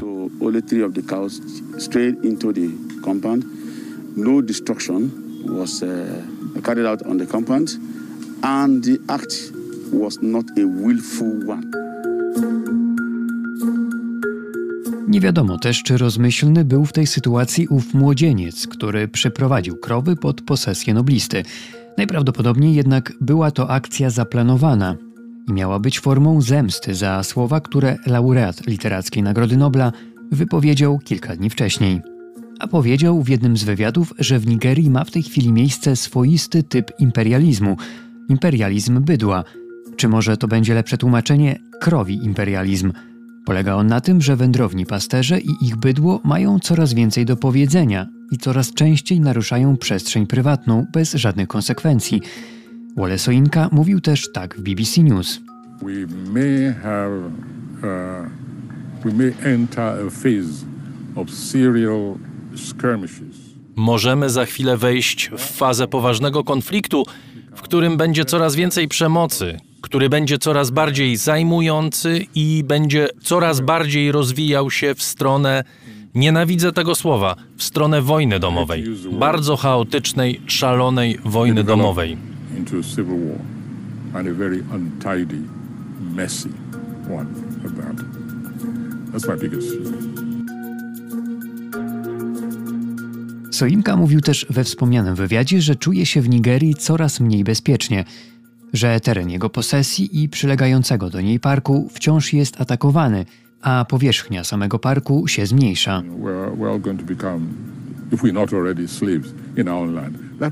Czujemy się coraz częściej niewolnikami na swojej ziemi. To nie jest do zaakceptowania. Rząd musi zrozumieć, że nie wystarczy, że daje nam się żyć. Trzeba godnie żyć. That we are here uh, not just to live, but to live in dignity. Ale o co tak naprawdę chodzi laureatowi Nobla, który w tym roku, co warto powiedzieć, wydaje pierwszą od 50 lat książkę o znamiennym, także dla tej sprawy tytule, Kroniki najszczęśliwszych ludzi na Ziemi. O jaki imperializm chodzi i czy słowo imperializm jest tutaj najwłaściwsze, jeśli w ogóle wypada poprawiać laureata Nobla. Jak mówi mi dr Oludayo Tate, socjolog z Nigeryjskiego Uniwersytetu w Ibadan, incydent z Wole Soinką to dobry przykład na to, jak napięta jest w tej chwili sytuacja w państwie. Um, Wdarcie się na teren posesji laureata Nobla to jedno i to jest także bardzo symptomatyczne. Ale w ostatnim czasie sytuacja wymyka się spod kontroli także z innych względów. Kilka dni temu północ kraju, z uwagi na opór południa wobec kryminalnej działalności pasterzy, zdecydowała, że nie będzie dostarczać jedzenia na południe.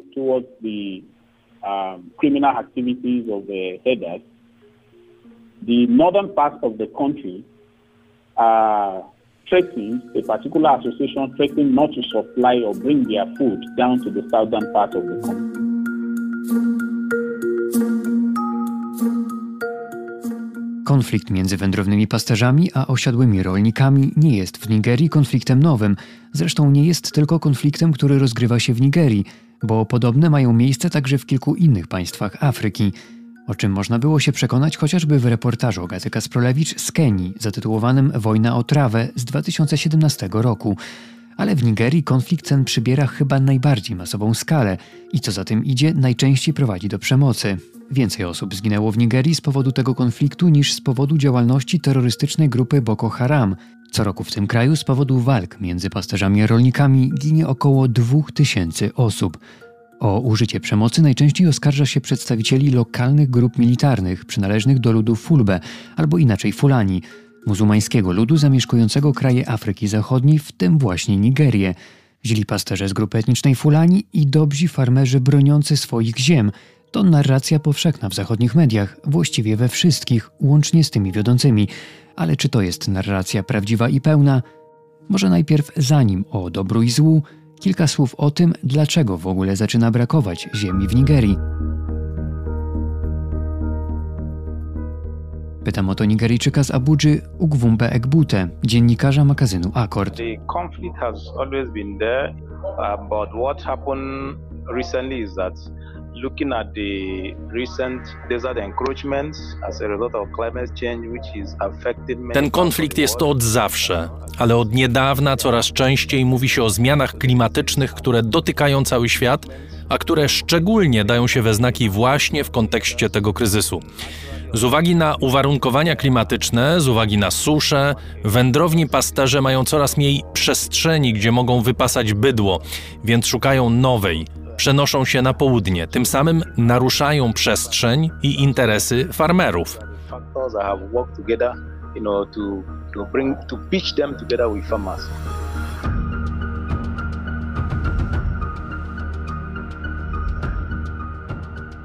Co na to rolnicy? Oczywiście protestują, bo pasterze w swoich działaniach bywają coraz bardziej konsekwentni i bezpardonowi.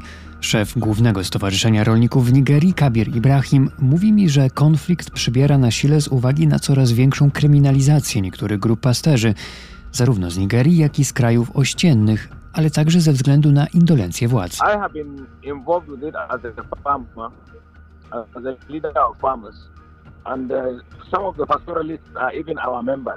Jako przewodniczący rolników na cały kraj muszę powiedzieć, że my rozmawiamy z pasterzami. Co więcej, niektórzy z pasterzy są naszymi członkami. To nie jest konflikt między pasterzami a rolnikami. To konflikt wywołany przez kryminalną działalność niektórych ludzi i przez polityków. behavior of some of our people. I znowu, jako tych, którzy mają najczęściej być zarzewiem konfliktu, wymienia się kryminalne bojówki wywodzące się z muzułmańskiego ludu Fulani, choć warto podkreślić, gdy przygotowywałem ten materiał, nikt nie zwrócił uwagi, że konflikt ten może mieć też podłoże religijne. Dlaczego więc to właśnie Fulani są oskarżani o przemoc? Niech sami odpowiedzą. O to, jak konflikt wygląda z perspektywy grupy Fulani i pasterzy, zapytałem przedstawiciela największej organizacji skupiającej pasterzy Fulani, która często jest kojarzona także z grupami militarnymi. Nazywa się Al-Haji Manir Atikulamido i jest szczęśliwy, że wreszcie ma okazję porozmawiać z, jak to mówi, zachodnim medium. It is a very unfair report. This violence is from both sides. Narracja w większości mediów jest błędna. Za ten konflikt odpowiadają dwie strony. Rolnicy także stosują przemoc. Fulani są często prześladowani i oskarżani o wszystko, tylko dlatego, że należą do tego ludu. Poza tym nie tylko Fulani odpowiadają za te przestępstwa. Jest także wiele innych grup, które pomieszkują w lasach i atakują innych. What I, I want people generally or the world globally to understand is the Fulanis are far, far left behind in enrollment of their uh, families into Western education. They are not uh, friendly in in uh, social media. They are not conversant with it. Chciałbym też, żeby wszyscy na świecie zrozumieli, że nasze rodziny nie są tak dobrze wykształcone na modłę zachodnią, nie są zaprzyjaźnione z mediami społecznościowymi. Tak więc nie mogą się dobrze komunikować ze światem i przekazywać swojej wersji wydarzeń. A zdarza się także, i to często, że również członek naszego ludu jest atakowany, zabijany, ale nikomu nie mówią, bo nie wiedzą, gdzie i komu to powiedzieć.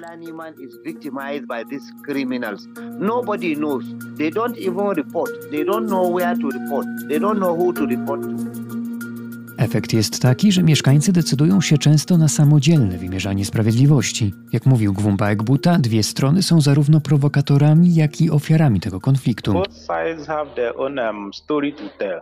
Both sides, if you interrogate the situation adequately, both sides have played one role or the other in Obie strony mają swoje historie związane z tym konfliktem. Jeśli przyjrzeć mu się bliżej, to obie strony mają także swoje za uszami. Bierze się to z tego, że coraz więcej jest drobnej broni w społeczeństwie. Poza tym, nasze społeczeństwo jest coraz liczniejsze. Gdy Nigeria ogłaszała niepodległość w 1960 roku, mieliśmy około 25 milionów mieszkańców. Teraz nasza populacja to około 210 milionów. Presently, we have about 200 million or above people. So by the time Także jest coraz więcej ludzi żądających ziemi na potrzeby przemysłu, na potrzeby mieszkaniowe, na budowę dróg, no i na uprawę ziemi, bo wiele z tych ziem zostało także zabranych przez różne organizacje. Im jednak rozmawiam dłużej z Ugwumbą Ekbutą, ale także z doktorem Oludayo Tejdem, choć nie tylko, bo również z przedstawicielami rolników i pasterzy, tym częściej pada w rozmowie jedno słowo system. To bowiem system, a raczej jego kruchość odpowiada według Nigeryjczyków za obecny stan rzeczy. Co tak naprawdę to jednak znaczy, wyjaśnia Ogwumba Ekbuta.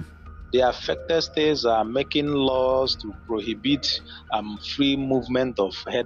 Główny problem polega na tym, że poszczególne stany wprowadzają prawa, które mają zakazywać swobodnego przemieszczania się wędrownym pasterzom, dbając o interesy lokalnych rolników. Ale to jest sprzeczne z prawem krajowym, za które odpowiada rząd centralny. Rząd centralny nie wspiera więc poszczególnych stanów w walce z nomadami łamiącymi prawo i zagrażającymi interesom rolników. Oczywiście taki stan rzeczy przekłada się także na sprawę bezpieczeństwa, dodaje dr Oludayo Tate.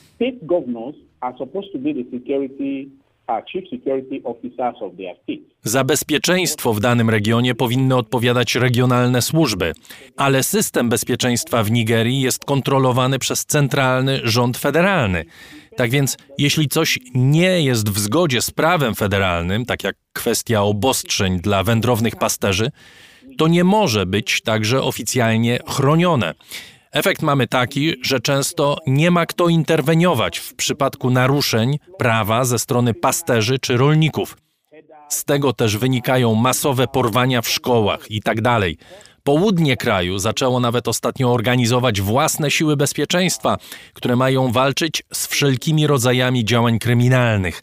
Tak więc potrzebna jest decentralizacja i odpolitycznienie służb bezpieczeństwa. If we depoliticize security system, maybe uh, things get better. Tak czy inaczej, wydaje się, że sprawa zmniejszania się ziemi i powierzchni pod uprawę będzie coraz poważniejszym problemem bez względu na zmiany prawne. I to nie tylko w Nigerii, szczególnie dla nomadów, wędrownych pasterzy. Trudno być bowiem nomadem w kraju, czy generalnie na świecie, w którym właściwie każdy kawałek lądu jest czyjąś własnością. Co w takiej sytuacji zrobić? Pytam przedstawiciela wspomnianego ludu Fulani, Al-Hajia Manira Atikulamido. The nomads uh, walk about with their animals in the old local way of pastoralism. Bycie nomadem wywodzi się ze starego stylu pasterstwa związanego z przemieszczaniem się. Jednak wiele z ziem wcześniej nam dostępnych teraz jest pod władaniem rolników i myślę, że to powinno być w gestii rządu i wszystkich zainteresowanych czy poszkodowanych w wyniku tej sytuacji, żeby wypracować nową formę pasterstwa. Nie jest już bowiem możliwe wędrowanie od stanu do stanu, z północy na południe. Takie czasy już właściwie się kończą. Because it is no longer feasible for the herders to move around with their cattle from one local government to another, from one state to another, from the northern part of the country to the south. This is not going to be a possible thing in a very near future. Jaka zatem może być ta nowa forma pasterstwa? Myślę, że ranczowanie. Pozostanie ze zwierzętami w obrębie własnej farmy, w obrębie swojej lokalizacji. Within your reach, within your farm, within your locality. Jak jednak sprawić, żeby i dla nomadów znalazło się miejsce, skoro zaczyna brakować go dla osiadłych rolników, biorąc pod uwagę to, że populacja Nigerii zwiększa się w gwałtownym tempie, te pytania pozostają otwarte, a gdy je zadaje bohaterom materiału, nawet oni zawieszają głos. Będzie to jednak sprawa nie tylko dla Nigerii wiążąca, która może determinować życie w regionie nie na przestrzeni roku, ale dekady i dłużej. Już dziś jednak warto by zmienić coś chyba jeszcze ważniejszego retorykę. I zamiast pytać kto, zacząć pytać dlaczego. Dla raportu o stanie świata Adrian Bong.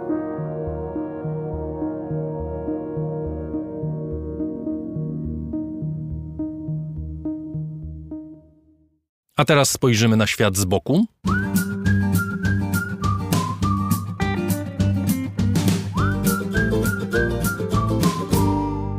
Grzegorz Dobiecki opowie o pewnej książce, wcale nie z bocznej półki.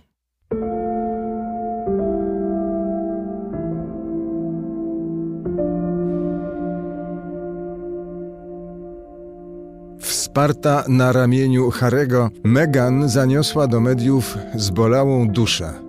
Jej ból nie jest lepszy niż innych, ale może wreszcie zapracowała na tytuł książęcy. Przecież cierpienie uszlachetnia, prawda?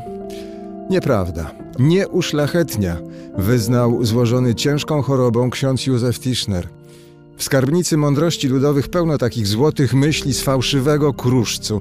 Te o nobilitacji ducha przez udrękę niedawno demaskował jako ułudę Julian Barnes w wymiarach życia, przejmującym zapisie bólu po śmierci żony. Ale nie ma przecież jednej miary ani jednej drogi cierpienia. Owszem, są tacy, co czerpią z niego siłę, światło i wiarę.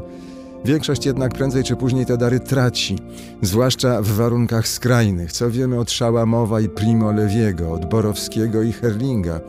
Jeśli szukać pożytku z cierpienia, to niech nim będzie wyostrzone spojrzenie kierowane w głąb i wokół siebie. Z taką właśnie nadwzrocznością sporządzał swoje szpitalne zapiski o wolności Timothy Snyder – Skomponowana z nich książka Amerykańska choroba jest świadectwem z dwóch przenikających się wymiarów. Pierwszy to osobiste doświadczenie autora, którego błędy lekarzy i zdehumanizowane szpitale doprowadziły na skraj śmierci. Snyder pisze przewodnik po własnych odczuciach, odkrywa drogę od samotności i wściekłości do empatii i imperatywu solidarności. Siłą rzeczy pacjent staje się częścią wymiaru drugiego, kolektywu bólu, czyli wspólnoty skazanych na amerykański system ochrony zdrowia.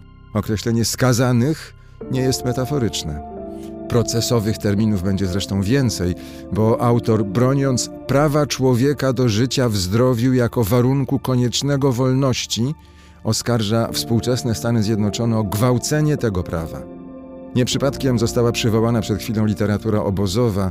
Timothy Snyder, historyk totalitaryzmów w Europie, przyznaje, że właśnie pod wpływem tematyki swoich prac dochodzi do okrutnego porównania, by potem zadać pytanie jeszcze bardziej brutalne.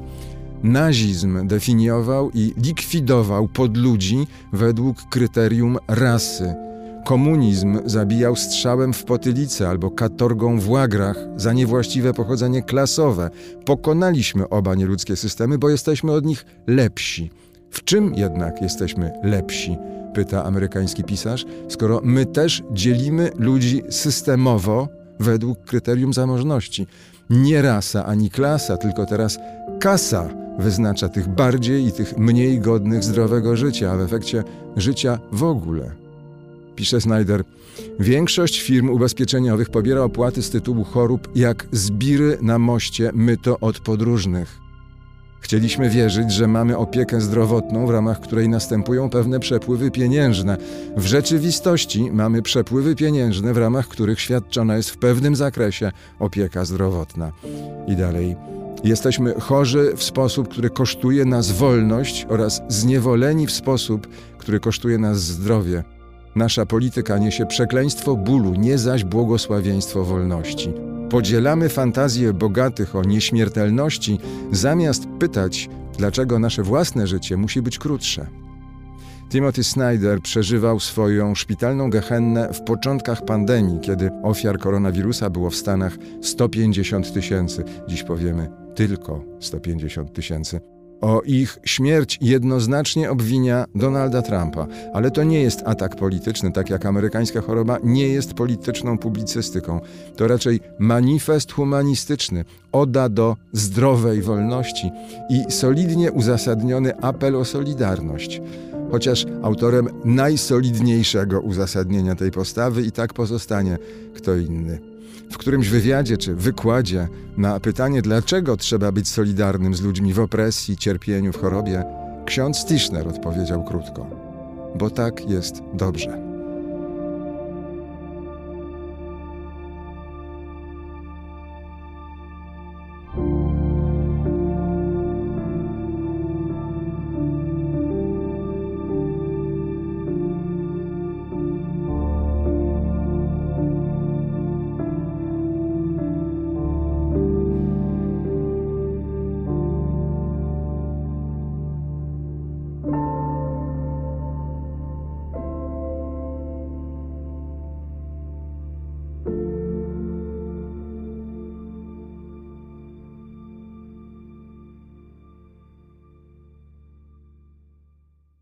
Teraz czas na spotkanie z naszym specjalistą od spraw trudnych i pogmatwanych.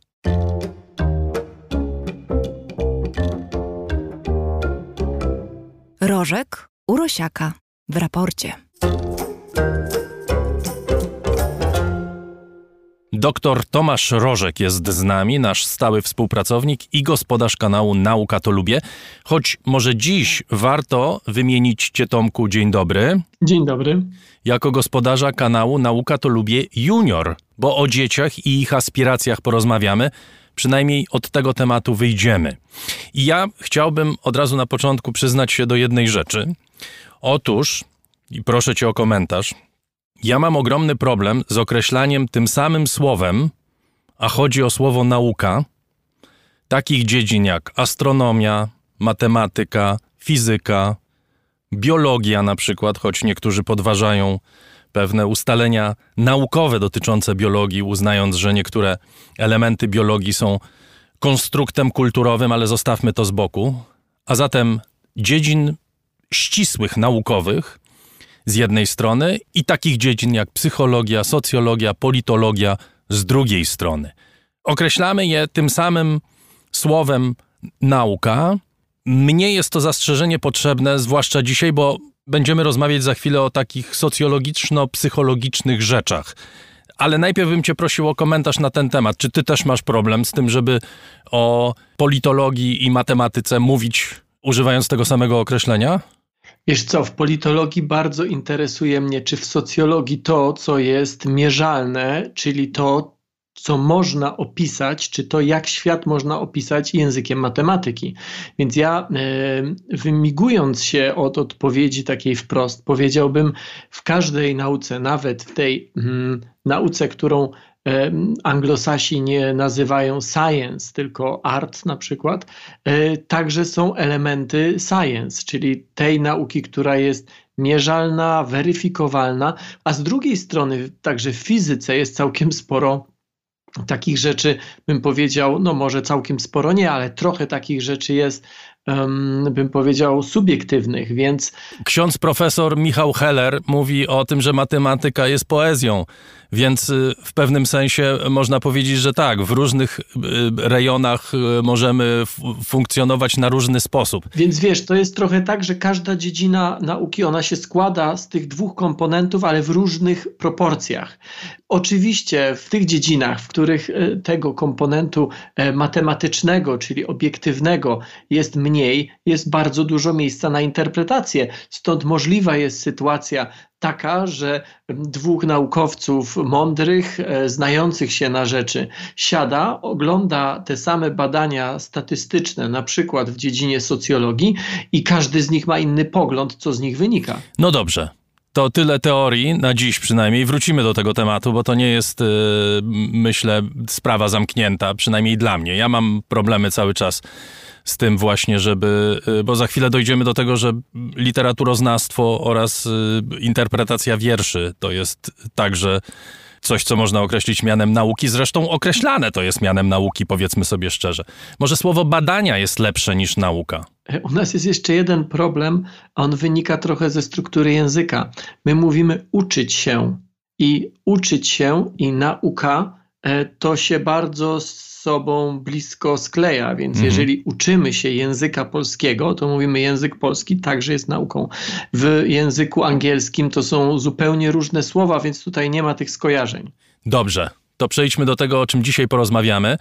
Przeprowadzono badania wśród polskich dziewczynek. Okazuje się, że prawie połowa, najwięcej nastolatek y, w wieku od 10 do 15 lat chce zostać w życiu youtuberkami. To jest wymarzony zawód dla prawie 48% y, nastolatek. Na drugim miejscu graficzka komputerowa, potem zawody prawnicze, potem nauczycielka. I to się bardzo silnie zgadza z poprzednimi tego typu badaniami prowadzonymi w innych krajach zachodnich i to nie tylko wśród dziewczynek, ale również wśród chłopców. W 2019 roku Lego przeprowadziło ankiety i wyszło, że najpopularniejszy zawód, o jakim marzą dzieci obojga płci na zachodzie, to jest YouTuber i influencer, przepraszam za słowo. Ale bardzo ciekawe jest to, że w Chinach najwięcej dzieci marzy o tym, nie żeby zostać y, YouTuberem i influencerem, tylko żeby zostać astronautą. I naukowcem. I naukowcem. Poprosimy doktora Rożka o interpretację tych zjawisk. Tak, to jest ciekawe. Lego takie badania przeprowadza co jakiś czas i w poprzednich edycjach ta różnica procentowa pomiędzy dziećmi e, w Chinach e, i dziećmi na Zachodzie, gdzie na Zachodzie to były Stany Zjednoczone, Francja i Wielka Brytania, o ile dobrze pamiętam, e, ta różnica nie była aż tak drastyczna. Więc można by na to, mo, można by złapać się za głowę i powiedzieć, że ten świat zmierza ku upadkowi, gdyby nie to, że po pierwsze sam jest jestem youtuberem mm, i trochę tak głupio komentować. Może oni chcą tobą zostać? No nie sądzę, ale, ale mogę się tak pocieszać. E, ale też drugi powód jest taki, że w zasadzie Grecy też już pisali, że jeżeli tak to ma wyglądać, to patrząc na młodzież, to po prostu ten świat długo nie pociągnie. Więc być może jest w tym jakaś taka mądrość etapu, że jak ktoś ma lat naście. Te badania, o których wspominałeś na początku, czyli polskich dziewczynek, one były zrobione przez fundację, której no, celem jest powiedzmy inspirowanie młodych kobiet czy dziewczyn, bo one były robione wśród um, dziewczynek w wieku od 10, od 10 do 15 roku życia, czyli to nie całkiem małe dzieci. E, to dzieci, które są pod bardzo i młodzież, która jest pod bardzo silnym wpływem swoich e, idoli. A tych idoli dzisiaj e, ma w, na YouTubie, na Instagramie i na TikToku. E, bo e, takie były odpowiedzi. YouTuberka, Instagramerka, TikTokerka. Nawet mówiąc szczerze, mm, póki tych badań nie przeczytałem, nie wiedziałem, że już TikTokerka istnieje. W każdym razie tam są ci, tam są te osoby, które, w które nasze dzieci patrzą jak w święty obrazek. Więc w pewnym sensie to nie jest nic zaskakującego. E, jest to konsekwencja właśnie tego, że w tamtych rejonach y, toczy się życie dzisiejszego nastolatka. Z drugiej strony, i to jest raczej mm, coś, co my dorośli, my rodzice, my nauczyciele powinniśmy e, mocno analizować i przemyśleć. Dlaczego jest tak, że tylko tam są te wzory, a nigdzie indziej? Bo mm, Oczywiście można by pewnie na sprawę spojrzeć z takiego czysto, bym powiedział, finansowego czy socjologiczno-finansowego punktu widzenia. E, nie tak dawno temu e, bycie naukowcem, bycie inżynierem to był w zasadzie jedyny sposób na to, żeby awansować społecznie. I być może tak jest także w Chinach teraz. To znaczy, żeby zostać, y, jedyny sposób, żeby awansować społecznie, to jest zostanie astronautą? Nie, ale żeby mhm. się kształcić w kierunkach ścisłych, ponieważ e, szybko rozwijający się kraj e, bardzo silnie potrzebuje na e, tych, którzy mają wykształcenie ścisłe. I takim flagowym zawodem jest oczywiście ten, ten astronauta, no ale przecież także, nie wiem, inżynier, także naukowiec. Nie chciałbym być źle zrozumiany. Ja nie podzielam tego stwierdzenia, czy nie podzielam tego faktu, że tylko i wyłącznie, że rozwój się dzieje tylko i wyłącznie przez rozwój zawodów ścisłych. Natomiast jest, taka jest powszechna opinia, e, tak się powszechnie zresztą robi. To znaczy, kraj, który się chce rozwijać, rozwija technologię, a nie rozwija studia w kierunku filozofii, mm, e, nie wiem, powiedzmy języków starożytnych albo, albo, albo historii. Więc, e, więc to jest ten kierunek. I teraz, jeżeli młody człowiek ma tego świadomość, że e, kierunki ścisłe, bardzo, bardzo szeroko definiowane, to nie tylko oczywiście inżynieria, ale także także matematyka, informatyka, mm, chemia, fizyka, że to są kierunki, które mm, będą miały łatwe wejście na rynek pracy. Nie chcę powiedzieć, że chemik ma być chemikiem. Mam na myśli to, że ktoś, kto kończy studia chemiczne, łatwiej znajdzie pracę, dlatego że ma wykształcenie ścisłe i dlatego, że potrafi się posługiwać językiem matematyki, a przynajmniej powinien. A świat dzisiejszy, świat technologiczny, jak być może nigdy wcześniej, mówi właśnie językiem matematyki. I tu już, Tomku, jeśli porównamy te aspiracje dzieci czy nastolatków z Zachodu, w tym z Polski, z aspiracjami dzieci z Azji, bo pewnie to nie dotyczy tylko i wyłącznie Chin, ale również demokracji, takich jak Korea na przykład, czy jakkolwiek traktujemy Singapur, no, takich krajów, o których mówimy, że są przykładem sukcesów w dziedzinie gospodarczej właśnie z tamtego rejonu, to tutaj te różnice widać, prawda? To znaczy, i ciekawe byłyby wnioski, które z tego wynikają. To znaczy, że dzieci, myśląc o swojej przyszłości i aspirując do spełnienia życiowego w Chinach, rzeczywiście myślą o tym, że dobrze być inżynierem, dobrze uczyć się matematyki. U nas dobrze być influencerem, no dobrze robić y, to, co spowoduje, że będziemy mieli dużo lajków na różnych mediach społecznościowych. No więc ciekawe jest, e, bo z samego hasła, że ktoś mówi chce być youtuberem albo chce być e, powiedzmy influencerem, instagramerem, to, to jeszcze dla mnie przynajmniej niewiele wynika, ale są pogłębione badania, nie te konkretne, od których zacząłeś naszą dzisiejszą rozmowę, ale inne, gdzie pytano dzieci, no dobra, ale dlaczego chcesz być tym youtuberem albo dlaczego chcesz być instagramerem. I te odpowiedzi bardziej mnie niepokoją dlatego że z nich um, wyłania się taki obraz, że po prostu może trochę racjonalny, może nie, że um, w powszechnej opinii ktoś, kto działa w internecie, ktoś, kto działa na YouTubie czy na Instagramie, to jest po prostu ktoś, kto nic nie robi, a zarabia dużo pieniędzy. I ty i w dużo mniejszej skali y, pewnie ja, pracujemy w internecie i wiemy o tym, że oczywiście zapewne jest wiele różnych sposobów, żeby zaistnieć w internecie, żeby mieć ogromne zasięgi w internecie, natomiast mówienie o polityce zagranicznej albo o świecie, albo o nauce, no to nie jest najprostsza droga do osiągania wysokich zasięgów. Czyli nie to, że dziecko chce funkcjonować w świecie cyfrowym, jest dla mnie jakimś problemem, bo nasz świat jest coraz bardziej cyfrowy, tylko motywacje, że w skrócie mówiąc, nie za bardzo chce się napracować, ale chce mieć dużo pieniędzy. Ale wiesz co, jak sobie przypominasz, ostrzegałem ciebie i ostrzegałem nas, żeby nasza rozmowa nie przeistoczyła się w biadolenie i narzekanie i wspominanie czasów dawno minionych, które ponoć były złotym wiekiem i których nigdy nie było realnie, bo jak sam wspomniałeś, od czasów starożytnych Greków wszyscy narzekają na to pokolenie, które przyjdzie po nich. Może to zachowanie, które odbija się w tych badaniach i te aspiracje, to jest całkowicie racjonalna postawa. To znaczy, jeżeli sukces życiowy zapewnia człowiekowi bycie youtuberem, no to jest zupełnie oczywiste i naturalne, że ludzie chcą być youtuberami. Dlaczego mają nie być youtuberami, skoro nawet wychodząc z tego założenia, o którym wspomniałeś, że chodzi o to, żeby, się, żeby zarobić i się nie narobić.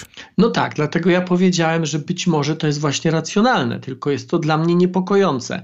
Tak, ostrzegałeś, yy, mówiłeś wprost, żeby to się nie zamieniło w rozmowę dwóch starszych panów. Więc e, tak, ostrzegałeś, ale z drugiej strony nasza perspektywa wzbogacona o pewne doświadczenia życiowe, przynajmniej moja, no bo nie chcę mówić za ciebie, mówi, że oni e, wszyscy nie będą mogli być youtuberami, a już jeżeli będą mogli, to na pewno nie, e, nie zdobędą dużych zasięgów i dużych pieniędzy nic nie robiąc. Natomiast, i oczywiście to może dotyczyć każdego zawodu na e, każdej szerokości geograficznej, jest tylko różnica pomiędzy sytuacją, w której ktoś sobie wyobraża niestworzone rzeczy, bo oglądał Gwiezdne Wojny i idzie mm, studiować na przykład astrofizykę albo astronomię i nagle kończy studia i się okazuje, że on jednak nie będzie budował tych gigantycznych krążowników kosmicznych, bo tak naprawdę to ten film to była tylko fikcja, ale on zostaje z pewnym wykształceniem. I dzięki temu wykształceniu na rynku pracy może swobodnie funkcjonować. Może czuje pewien niedosyt, no bo chciał budować te krążowniki, chciał podbijać inne światy, planety i tak dalej, ale jednak ma w ręku wykształcenie.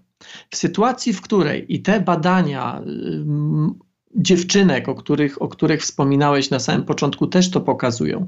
Natomiast jeżeli na samym wstępie drogi życiowej, tej takiej zawodowej, mówimy, chcę być youtuberem, instagramerem, w skrócie kimś, kto niespecjalnie się musi napracować, ale będzie miał dużo pieniędzy, e, to konsekwencją tych chęci i tych aspiracji jest to, że nie idę na studia.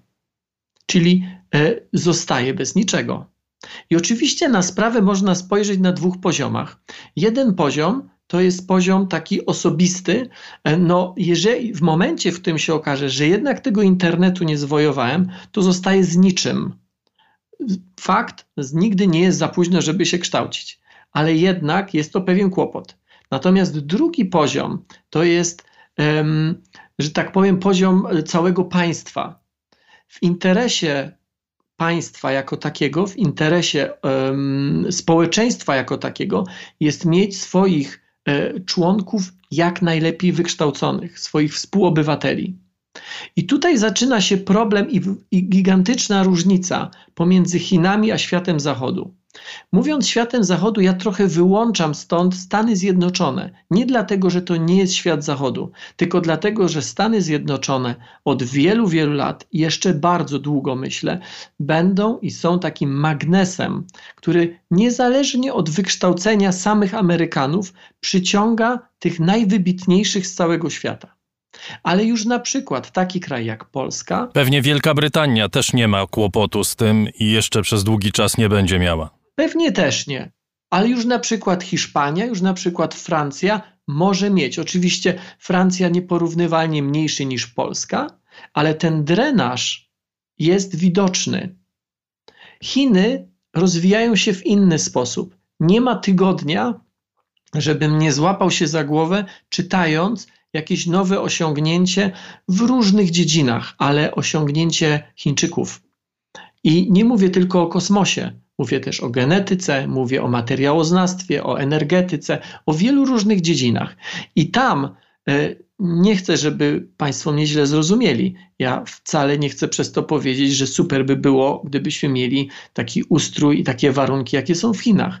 Natomiast tam ten rozwój jest podtrzymywany i jest zapewniony tym, że młode pokolenie chce się kształcić, chce się rozwijać. Natomiast jeżeli e, popatrzymy na to, e, na ten świat zachodu, znowu brzmię być może jak właśnie taki stary dziadek narzekający, ale mm, coraz częściej zauważam, że ci młodzi ludzie, którzy chcą się kształcić, którzy mają aspiracje, którzy mają marzenia, takie prorozwojowe, że ich jest moim zdaniem coraz mniej. No dobrze, ale to ja pozwolę sobie rzucić taką tezę, że jednak może troszkę przesadzasz i twoje doświadczenie jako gospodarza kanału Nauka to lubię dla dzieci jest chyba najlepszym dowodem na to, że jednak sporo dzieci interesuje się nauką. Po prostu chce wiedzieć yy, nie tylko jak robić filmiki, które będą miały milion zasięgu, tylko chcą się dowiedzieć, jak funkcjonuje świat. I super, i właśnie dlatego kanał dziecięcy y, junior otworzyłem, bo uważam, że dziecko w wieku lat 4, 5, 6, 7 nie jest jeszcze, znaczy jest jeszcze na etapie takiego zachwytu światem wokoło. Jeżeli tego zachwytu, tego zainteresowania i tej pasji nie zagospodarujemy yy, i pozwolimy, żeby kontrolę pełną nad dzieckiem przejęły mm, urządzenia elektroniczne e, i algorytmy, które z definicji raczej podają rozrywkę tanią, łatwą, szybką i przyjemną, niż coś, nad czym się trzeba zastanowić, niż coś, czego może trzeba poszukać albo dwa razy zobaczyć, żeby do końca zrozumieć, e, no to, to wtedy już jest za późno. Dlatego to jest ogromna rola. Ja patrzę na te wyniki i myślę tak, to jest to, to jest sygnał alarmowy dla rodziców, dla szkoły, dla nauczycieli, dla opiekunów, w skrócie dla dorosłych. Jest taki czas w życiu dziecka, kiedy ono interesuje się totalnie wszystkim. Jednego dnia chce badać dinozaury, drugiego dnia chce lecieć w kosmos, a trzeciego budować jeszcze coś innego. I to jest ten moment, w którym w miarę naszych możliwości powinniśmy dziecku te różne drzwi otwierać. Którą drogę ono wybierze, to już nie do końca zależy od nas. Choć z drugiej strony, ja też mam takie doświadczenie, mm, kiedyś, kiedyś zresztą to też wiele badań pokazuje. Moja pierwsza książka to, były, to był zbiór wywiadów z wybitnymi naukowcami. I pytałem e, tych ludzi e, z różnych dziedzin, e, wszystkim im zadałem jedno pytanie – znaczy zadawałem pytań więcej, ale jedno było wspólne. Od czego zaczęła się pani, pana pasja? Czy genetyką, czy psychologią, czy inżynierią, fizyką, nieważne. I poza jedną osobą wszyscy powiedzieli, zaczęła się, bo od dziadka, albo jako nagrodę szkolną, albo od rodziców dostałem, jak byłem małym dzieckiem, książkę, która mnie zafascynowała.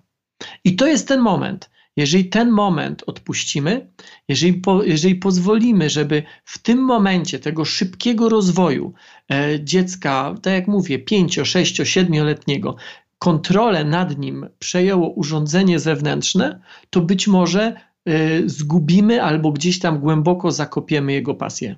Doktor Tomasz Rożek wie, co mówi. Jest gospodarzem kanału Czasami. Nauka to lubię junior, czyli Nauka to lubię dla dzieci. A poza tym yy, zna się na rzeczy. Dziękuję Ci bardzo. Bardzo dziękuję.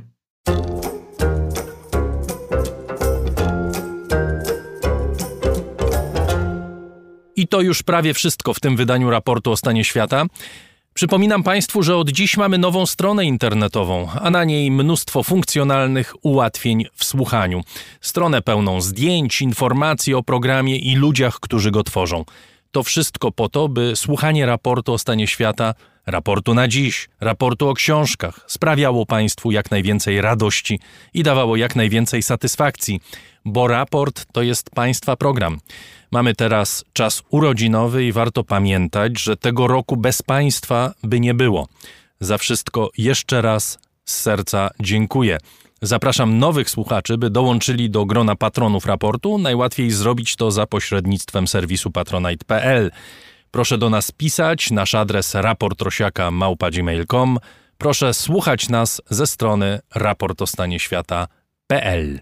Agata Kasprolewicz, Chris Wawrzak, Dariusz Rosiak, dziękujemy za dziś, ale to jeszcze nie koniec. Koncert w niedzielę był przedni, możecie go Państwo cały czas słuchać, oglądać na moim kanale YouTube. I specjalnie dla Państwa w prezencie, zwłaszcza dla tych, którzy dosłuchali do teraz, do samego końca programu, płyty Pablo Pawo i Ludzików. Proszę pisać do nas na nasz adres internetowy. Mamy egzemplarze do rozdania. Nasz urodzinowy koncert zespołu Pablo, Pawo i Ludziki rozpoczął się od tej piosenki.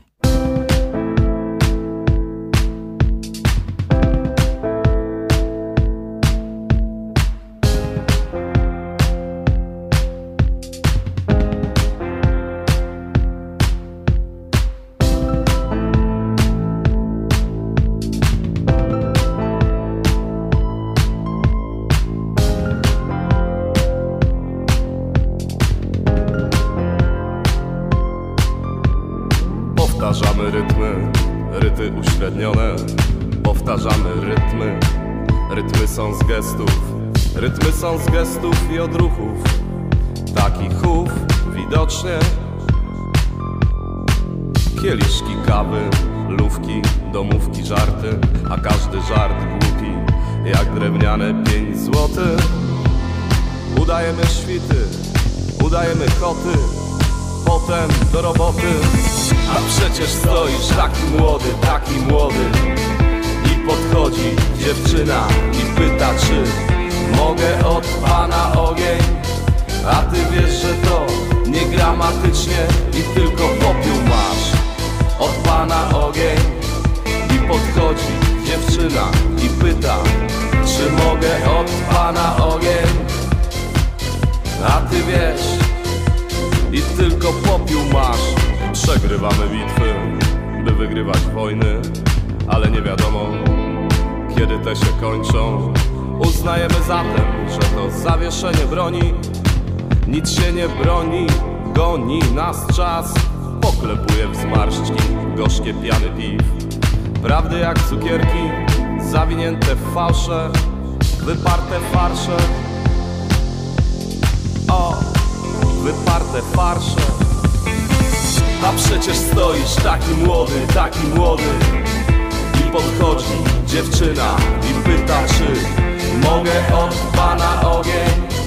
A ty wiesz, że to niegramatycznie I tylko masz Od pana ogień I podchodzi dziewczyna i pyta czy Mogę od pana ogień? A ty wiesz i tylko popiół masz. Powtarzamy rytmy. Hit me baby one more time. Łapiemy się na blichtry Udając, że to ironicznie Ślicznie się snujemy. W świetle latarni Marni, ale jeszcze nie zmarli Parlibyśmy na przód Tylko gdzie przód, a gdzie spód. Tylko gdzie przód, a gdzie spód